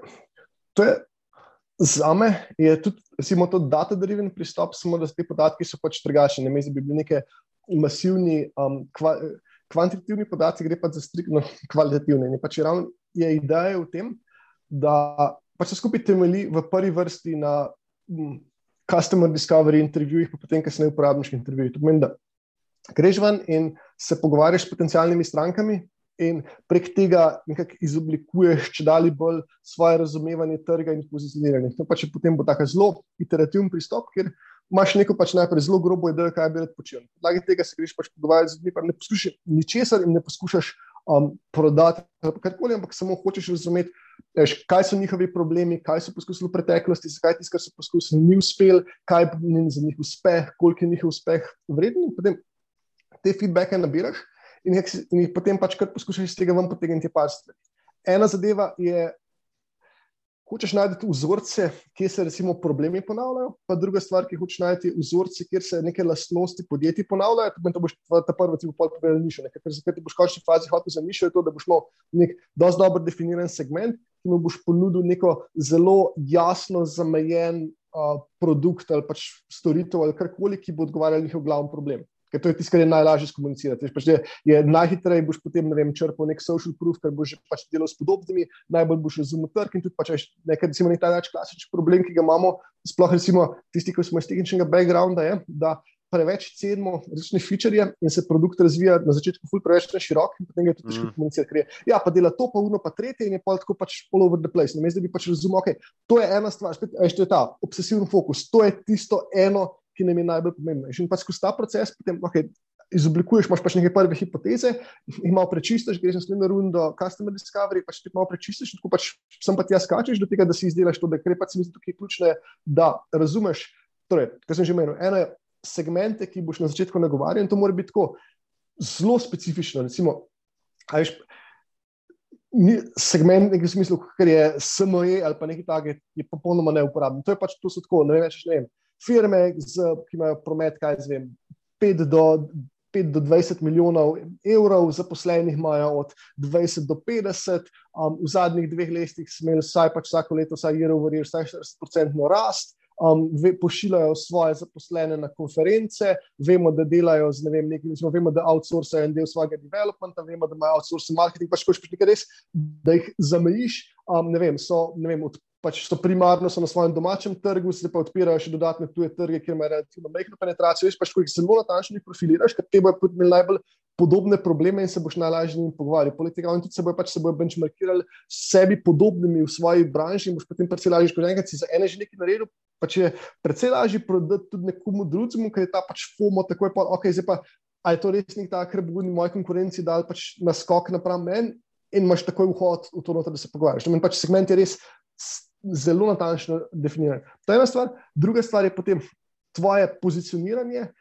Pač ne pravim temu segmentu, kaj ti zdaj, veš, pač, zakaj prideš k meni. Okay, razumem, koga ne govorim, ampak zdaj po rešitev kakih problemov točno prideš do mene, pa v kakih vlogih me vidiš. Eš, to spet pač nekako osnovi, recimo, je, mm. um, razpade to, a ti, pač, a ti kupuješ execution od mene ali kupuješ ne vem, nekaj takega, da pač samo Um, ne vem, jim rečem, execution pa excuse, ne pomeni, da pač samo tisti, da hočem imeti občutek, da nekaj delam, pa da si zavarujem hrbet, ali hočem nekaj dejansko pač transformacijo, da se dosežeš, a, a iščem vem, odstranitev blokerja, ali hočem doseči neko transformacijo, ki me naprej porina, ali je to vem, gašenje požara, ali je to investicija v, pač v rast. Naprej pač imaš nekih, nekih teh par um, parametrov, imaš, kjer jih razumeš, kako, iz kire smeri pristopaš in kako jih naslavljaš. In potem pač tretja komponenta je, ki je, glede na to, kako si definiral svoj segment, kako sam sebe pozicioniraš tega dvojega, ki potem pade, kako mora izgledati moj produkt, da bo pač izpolnil pričakovanje, ki jih svojim pozicioniranjem vzpostavlja.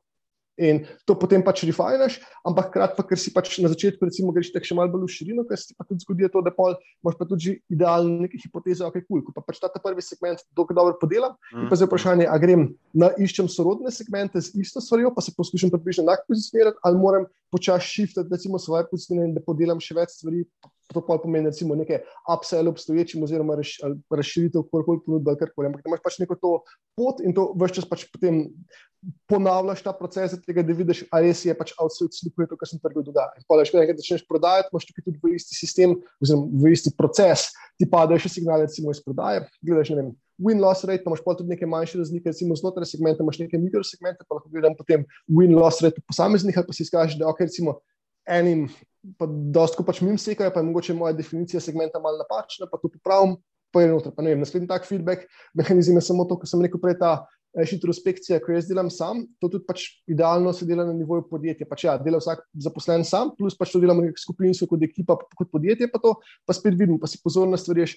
Kaj je tisto, kar je šlo bolj lahko, pa kjer smo uspeli bolj, kot smo mislili, pa tja mogoče je smiselno se bolj premakniti, pa kaj je tisto, kjer so pa ne nekaj trenja ali pa razočaranja, da smo pa dost, pa pač nismo izpolnili bodi si svojih pričakovanj, bodi si pričakovanj stranke in nam se pol vprašamo, okay, ali lahko naredimo to boljše ali pa to mogoče samo tukaj pride, ne vem, nek misveč v komunikaciji, pa naše pozicioniranje, pa ta del pa stran drugimo. In se skozi to potem pač iterativno in zelo lepota tega pristopa je, da je sistematičen, je nekaj, kar lahko v dokašni meri zapeče proces, ker tudi ne bi toliko lažje, da se ne vem, onboardaš pa tako naprej, ampak hkrati pa ni nekaj, za kar rabiš pač podatke. To je, veš, to lahko vsak začne danes, ničesar ne mm. rabiš. Pač, ja, ne vem, nek tam Google Docs spreči, kjer si se pisuješ, noter, kaj so ti ljudje povedali, in to je to.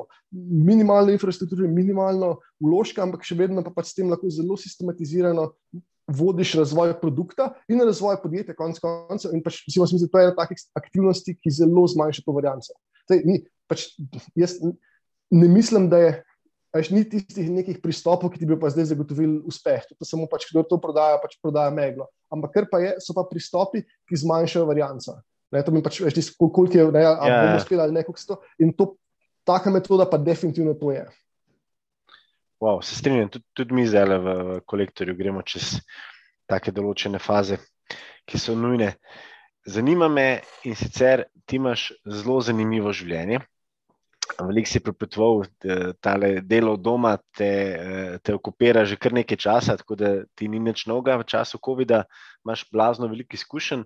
Pa me zanima, kaj je bilo pa v tvoji karieri tisti aha moment, ki si pa se zavedel, to je to, kar hočem delati. Hočem biti točno v tej vlogi, sem fascinira me, me, fascinira me podatki, hočem spremenjati kulture, pomagati, izobraževati ljudi. A je bil kakšen tak projekt ali kaj tasga? Odkrito, še zdaj ne vem, ali je to res to, kar ultimativno hočem. Zma, ne, da pač ultimativno hočem. Sem predvsej prepričan, da je to tisto, kar hočem zdaj, ampak si pa hkrati toliko poznam, da vem, da je to, da se lahko spremeniš. Mislim, da veliko ljudi, ki pač zapadajo v neko krizo pomena, pa recimo burnout, ravno zato, ker se je. To, kaj oni hočejo, se je premaknili, in potem pač sam sebe tišiš pač v neko sliko, ki ne, ne od, odseva več tega, kar pravzaprav so tvoja neka bazična hotenja in prizadevanja. Um, mm. Tako da ampak neki taki, ne vem, prebojni trenutki. Kar je zanimivo, je, da pač poskušam to rekonstruirati. Um, da tisti, kar bi zdaj identificiral, da so bili neki taki prevoji, je takrat, ko se je to dogajalo, se absolutno niso zdeli kot taki. Ja, ja, Ampak je pač, ko se nazaj, ko pa greš, pa vidiš, da to je pravzaprav nekaj, kar je pač pustil sledove, ali pa tudi konec konca me toliko pač porinil iz njega komfort zone ali karkoli, da sem pač začel nekaj stvari delati drugače, um, pa jih drugače kombinirati. Um, de, sem definitivno taka izkušnja, ki jo vsem priporočam, je, da delajo še kje v tujini, zato da pač pa ne zdojno, da bi mislil, da je pač je. Boljše, ampak se boš definitivno se naučil stvari, ki drugačne, ker pač je ena zadeva, v kateri se predvsem premalo govori, sploh v nekem pač biznis kontekstu, pa ne vem, leadership management kontekstu, je, da bo neka širša kultura bo, se bo odslikovala v procesu, kako delaš.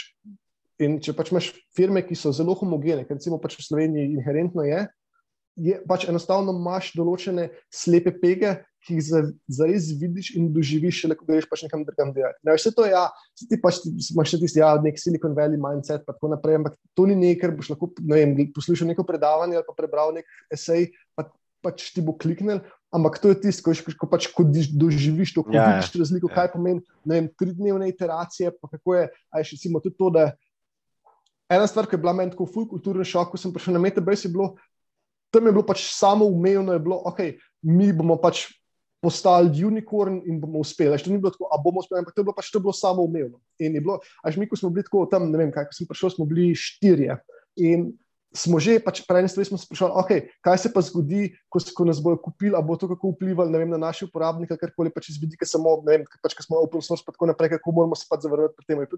Ker je bilo iz nekega vidika, vem, v nekem operativnem smislu je to absolutno absurdno in popolna potrata časa. Ampak mindset je pa tak, ki ga, ne, ki ga pač.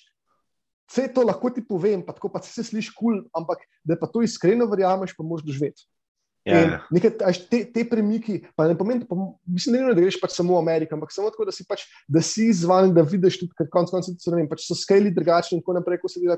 Te stvari se mi zdijo um, zelo, zelo pomembne. Um, druga stvar, ki se mi zdi pač pomembna je, ampak to je nekaj, kar je spet to, kar res vidiš šele predvsej let za nazaj. Da, pa recimo, to je tudi konec koncev moja največja napaka, da nisem že prej mentorjev, imel pa več mentorjev, pa bolj strukturiran, tudi da bi pač sam. Sem, sem tako, se, recimo, v velikih pogledih je bil, moram reči, da je bil Kristjan moj mentor, ampak to je bilo pač tako zelo ad hoc. Um, pa pač pa je mal, veš, taka čudna situacija, ki pač skupaj delaš, pa tako naprej, pa za ene stvari je to dobro imeti pač njegove koči. Ja, mentoriranje v službi se mi zdi, da je zelo pomemben element, ampak je pa dober za osebno rast, da imaš nekoga, ko to lahko z več mm. Ne, neke distance pogleda. In cimo, tega pa zelo dolg nisem inkorporiral. To je ta paradoksalna situacija, ko sem že jaz pač mentoriral druge, še pač predtem bi imel pač sam neke resne mentore. Ker je bila, to je bila definitivno recimo, napaka in to je spet nekaj, kar se mi zdi, da ti da zelo veliko razliko. Um, Se strinjam. Ja. Um, prebojni moment je bil tudi to, da mi je postalo udobno, da bom razmazan med različnimi področji. Pa pač tako, še, da se zdaj temu rečem skill stack, ampak to imenovanje je nekako relativno novo, medtem ko pač to počel de facto, sem pa že predvsej nazaj.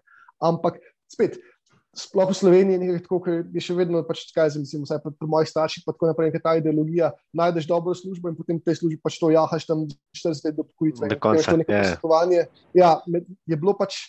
Vedno se, se je pač na njega gledal kot neko anomalijo, pa je ti malo več, ne veš, kaj bi rad, pa se iščeš, pa tako naprej.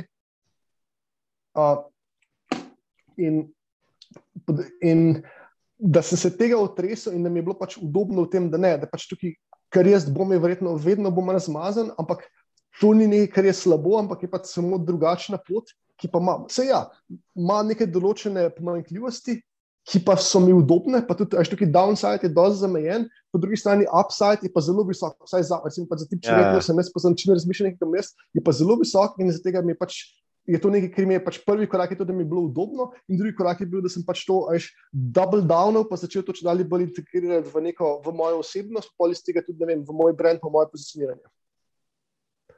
Deva se še dotakniti malo tvojega osebnega življenja, da te še tako no, malo spoznamo. Da še malo Simona spoznamo, da vidimo, kaj dela v prostem času. Da mi povej, um, kaj, kaj so tvoji hobiji, s čim se, s čim se ukvarjaš. Um, že omenil sem, da zelo rad surfam, mountain bikam, tudi svoje dni sem tekmoval downhill, ampak tega je že davno tega. Um, pa red šraufam ali pa celo si še počasi domišljam, da restauriram uh, starodobne avtomobile.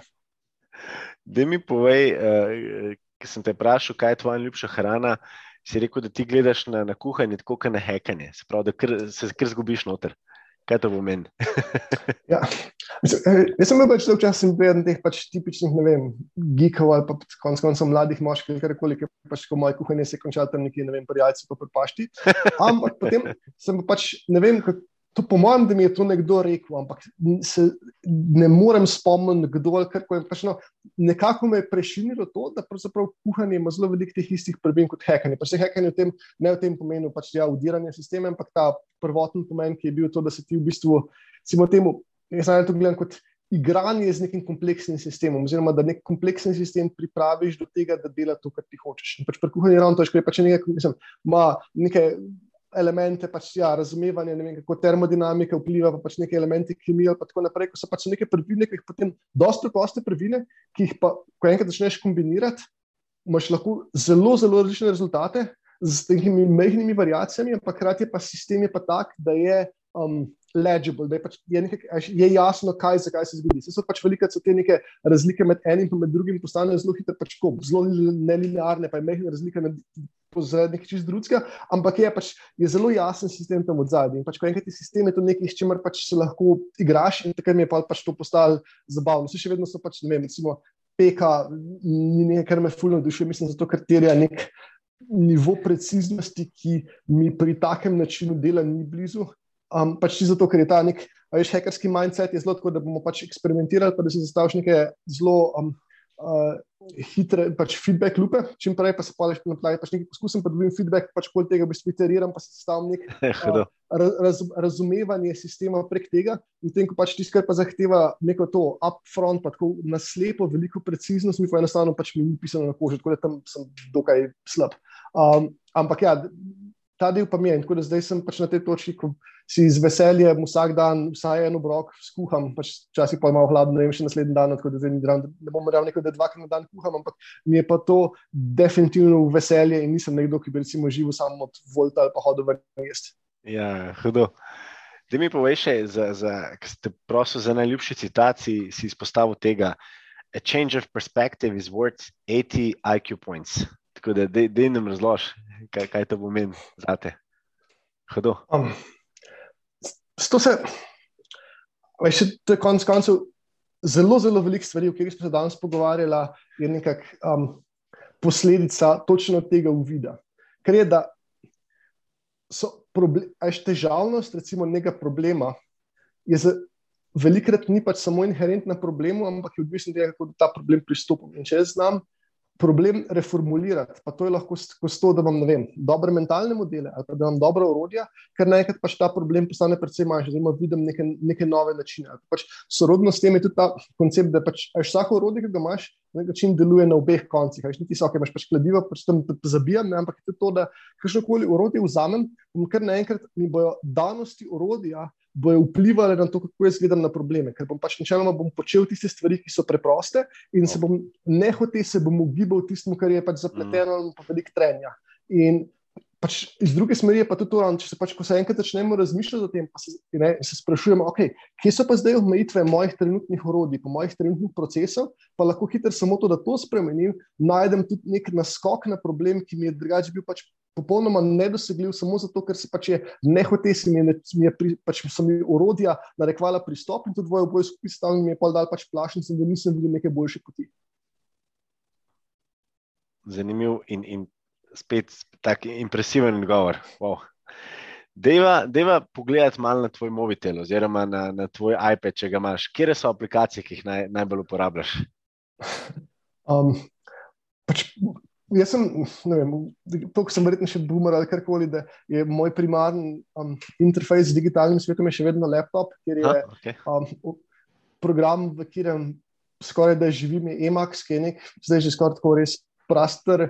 Um, ure, nominalno je urejevalnik besedila, ampak zna pa tudi vse ostalo, početi druge stvari od tega, da lahko um, pišeš noter outline, imaš študije, imaš koledar, imaš e-mail, vse mogoče se tudi ne uporabljam, vse kar znam. Ampak um, kar zakaj mi je tako ljub, je to, ker je to je urejeval, pač to je urejevalnik besedila, če hočeš, ki je hkrati programabilen in lahko kar sam sebe sprot spremeni. To pač napišeš nekaj koda, ki potem vpliva, kako deluje. Pač tisti je zelo. Um, Tako neposredno je nek material, iz katerega lahko gradiš. In si lahko si vedno si pač nekaj ta drobna urodja, ki jih rabiš pač pri vsakodnevu ali karkoli, si lahko zgradiš. Vse te, recimo, ne vem, imajo, kaj že vem, školsko se govorimo, makre, pa tako naprej, kar je podobno, ampak to je ravno to, kar sem prej razlagal.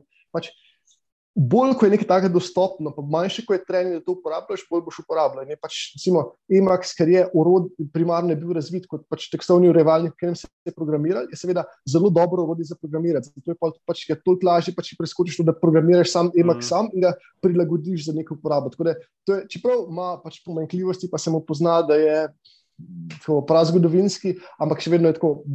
Definitivno moj najljubši program je tudi en tistih programov, ki mi je Um, až ne samo, da ga rad uporabljam, ampak mi je tudi miselno orodje, ko razmišljam o drugih orodjih.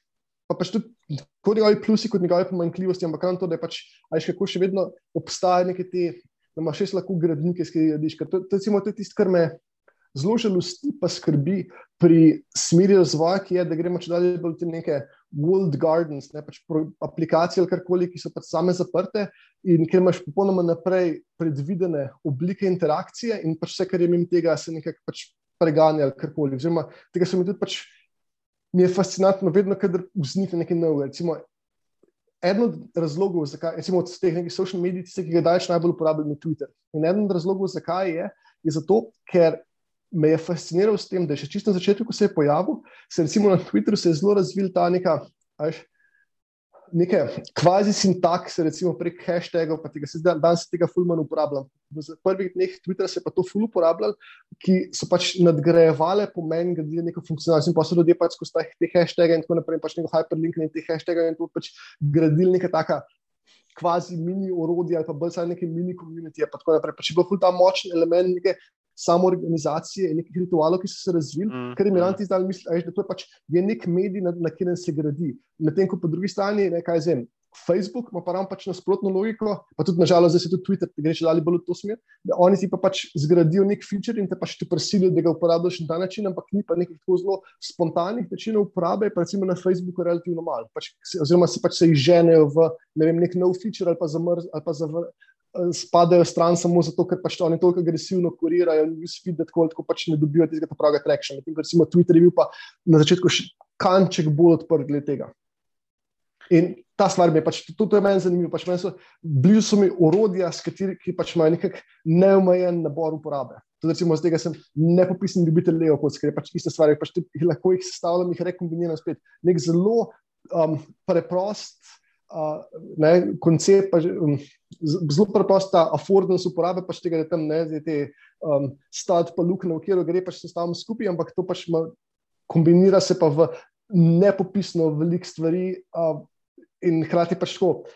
Zelo razumljivo, zelo lahko se pač dekonstruira, ampak hkrati pa pač neke te majhne nianse, pa, pa mutacije tega pripeljejo, da je res pač fascinantne stvari. Tudi, še, je igrača, ker ima še zdaj imaš to gromozanski komunit odraslih, ki z največjim veseljem pač gradijo in razvijajo yeah. vem, ja. nove metode sestavljanja in celo tako, da recimo Lego prevzame ene te stvari, da se pač vidijo pri drugih, kako sestavljajo neke svoje modele in je pač način.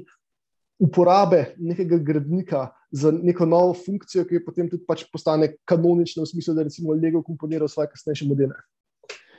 Deva se vtaknem še uh, podjetnik ali pa podjetniki, ki, uh, po katerih se zgleduješ, ali pa jih opazuješ, da so na radarju tvojemu.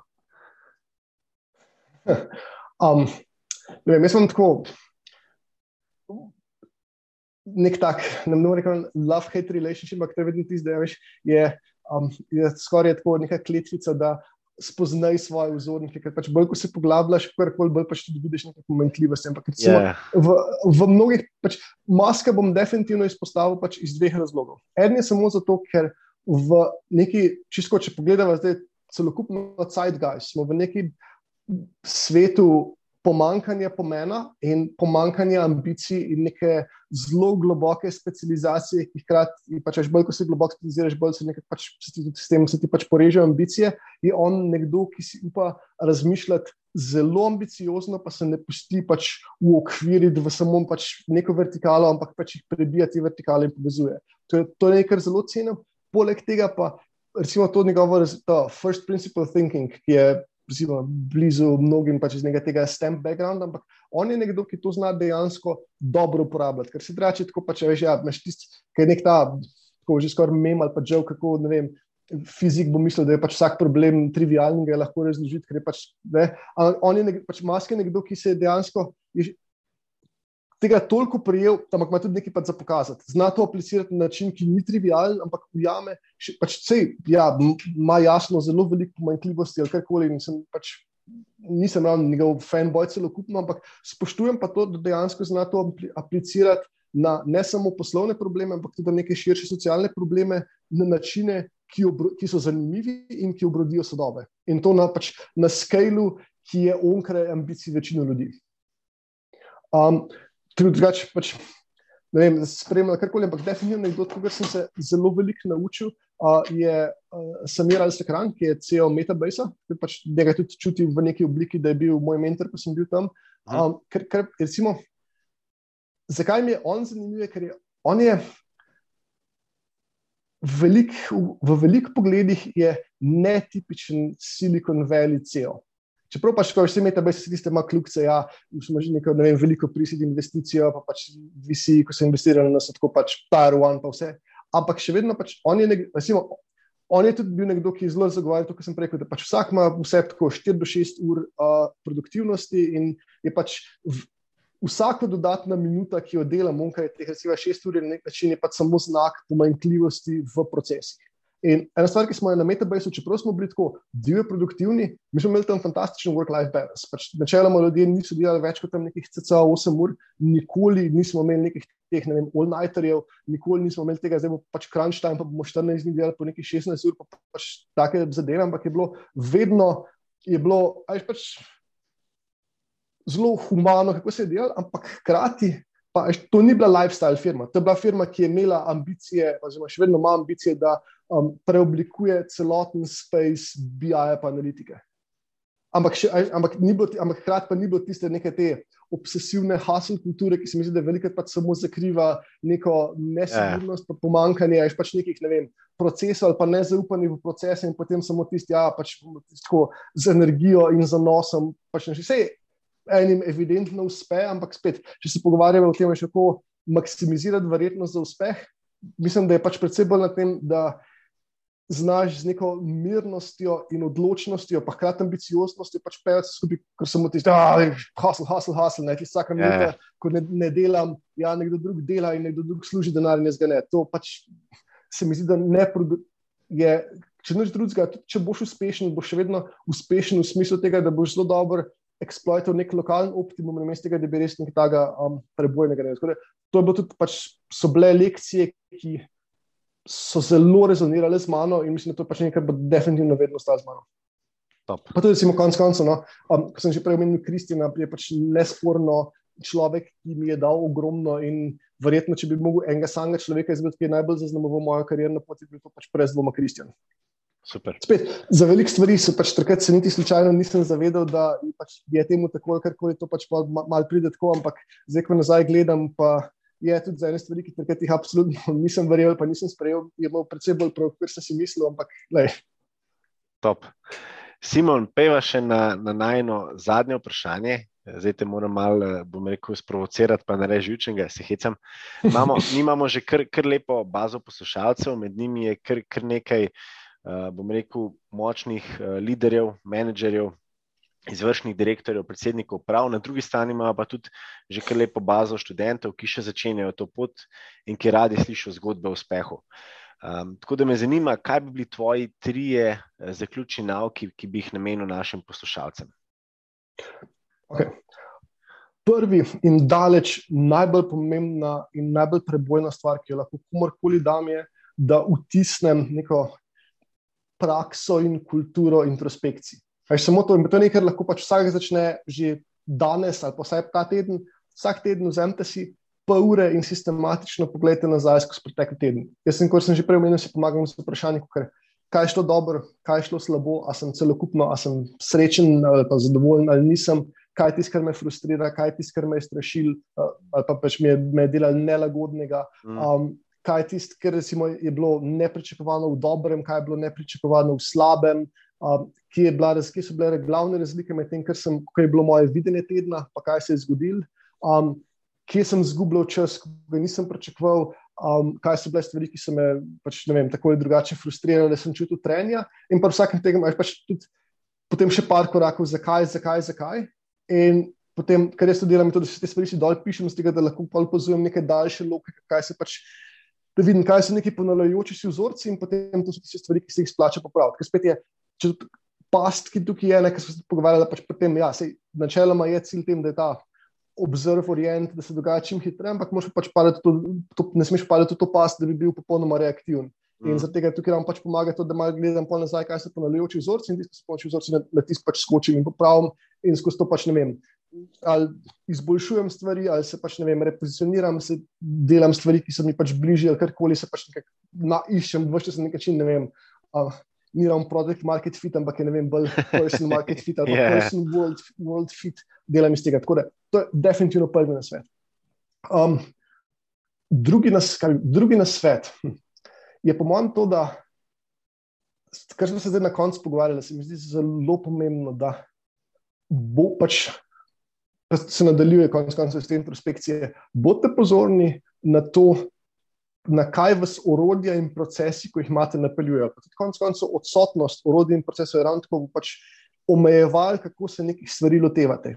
Pač bo vplival na uspeh, bo vplival na neuspeh, bo vplival na ne vem, neko nelagodje pri stvareh, recimo na nekaj, bi bil zapakiran, mogoče proces, bi me skrbel, ker pa vedno sem to pozabil, ali nisem pač vse te stvari opazovati, ampak tudi jih opazovati skozi nekaj tega veš, produktnega vidika, v smislu, ok, kot uporabnik, a to deluje za me ali ne, kje so trenje, ali mi je to prijetno uporabljati ali mi ni, kako lahko to izboljšam.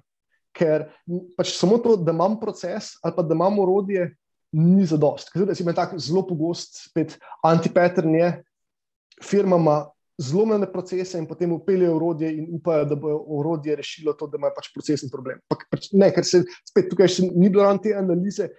Odkot pravzaprav prihaja nezadovoljstvo, odkot prihajajo pač ti problemi, ki jih imamo, in potem je tako, da bomo se samo pač ta bližnji dal noter kot orodje, ki seveda ne bo tega rešil, ker bo pač upeljal samo nek svoj nov nabor trenj, ker vsako še tako fantastično orodje, pa za ene stvari bo imel trenj, za ene stvari pač enostavno ne bo tako prikladno in dobiš pač overhead tega, plus tvoj originalen problem ni rešen, ampak je samo pač nekako čez um, povožen. Tako da skozi opazovanje tega in pač to prenesti okay, ja, na neko zasebno prakso, ampak tudi vse stvari, ki, pač, ki jih delaš v podjetju in tudi konec koncev svoj produkt. Ker ogromno, pač, okay, mislim, to je bila tudi morda lekcija iz Metabase, koliko zelo velik, kako zelo lahko uspeš samo s tem, da si boljši v UX. Ker recimo, če priješ pač ko, če nas primeriš po featurjih, je mm. Metabase pač precej slabši od vse svoje konkurence, ker ima bistveno boljši pa uporabniška izkušnja. To je pa pač je neprimerno boljši od česar koli drugega in to je tisto, kar je potrebovalo uspeh. Ampak, pač, Spet, to je recimo sploh za nekoga iz tehničnega backgrounda, je veliko, kako pač mislimo, da ja, pač na featurjih bomo zmagali, nekaj ne vem,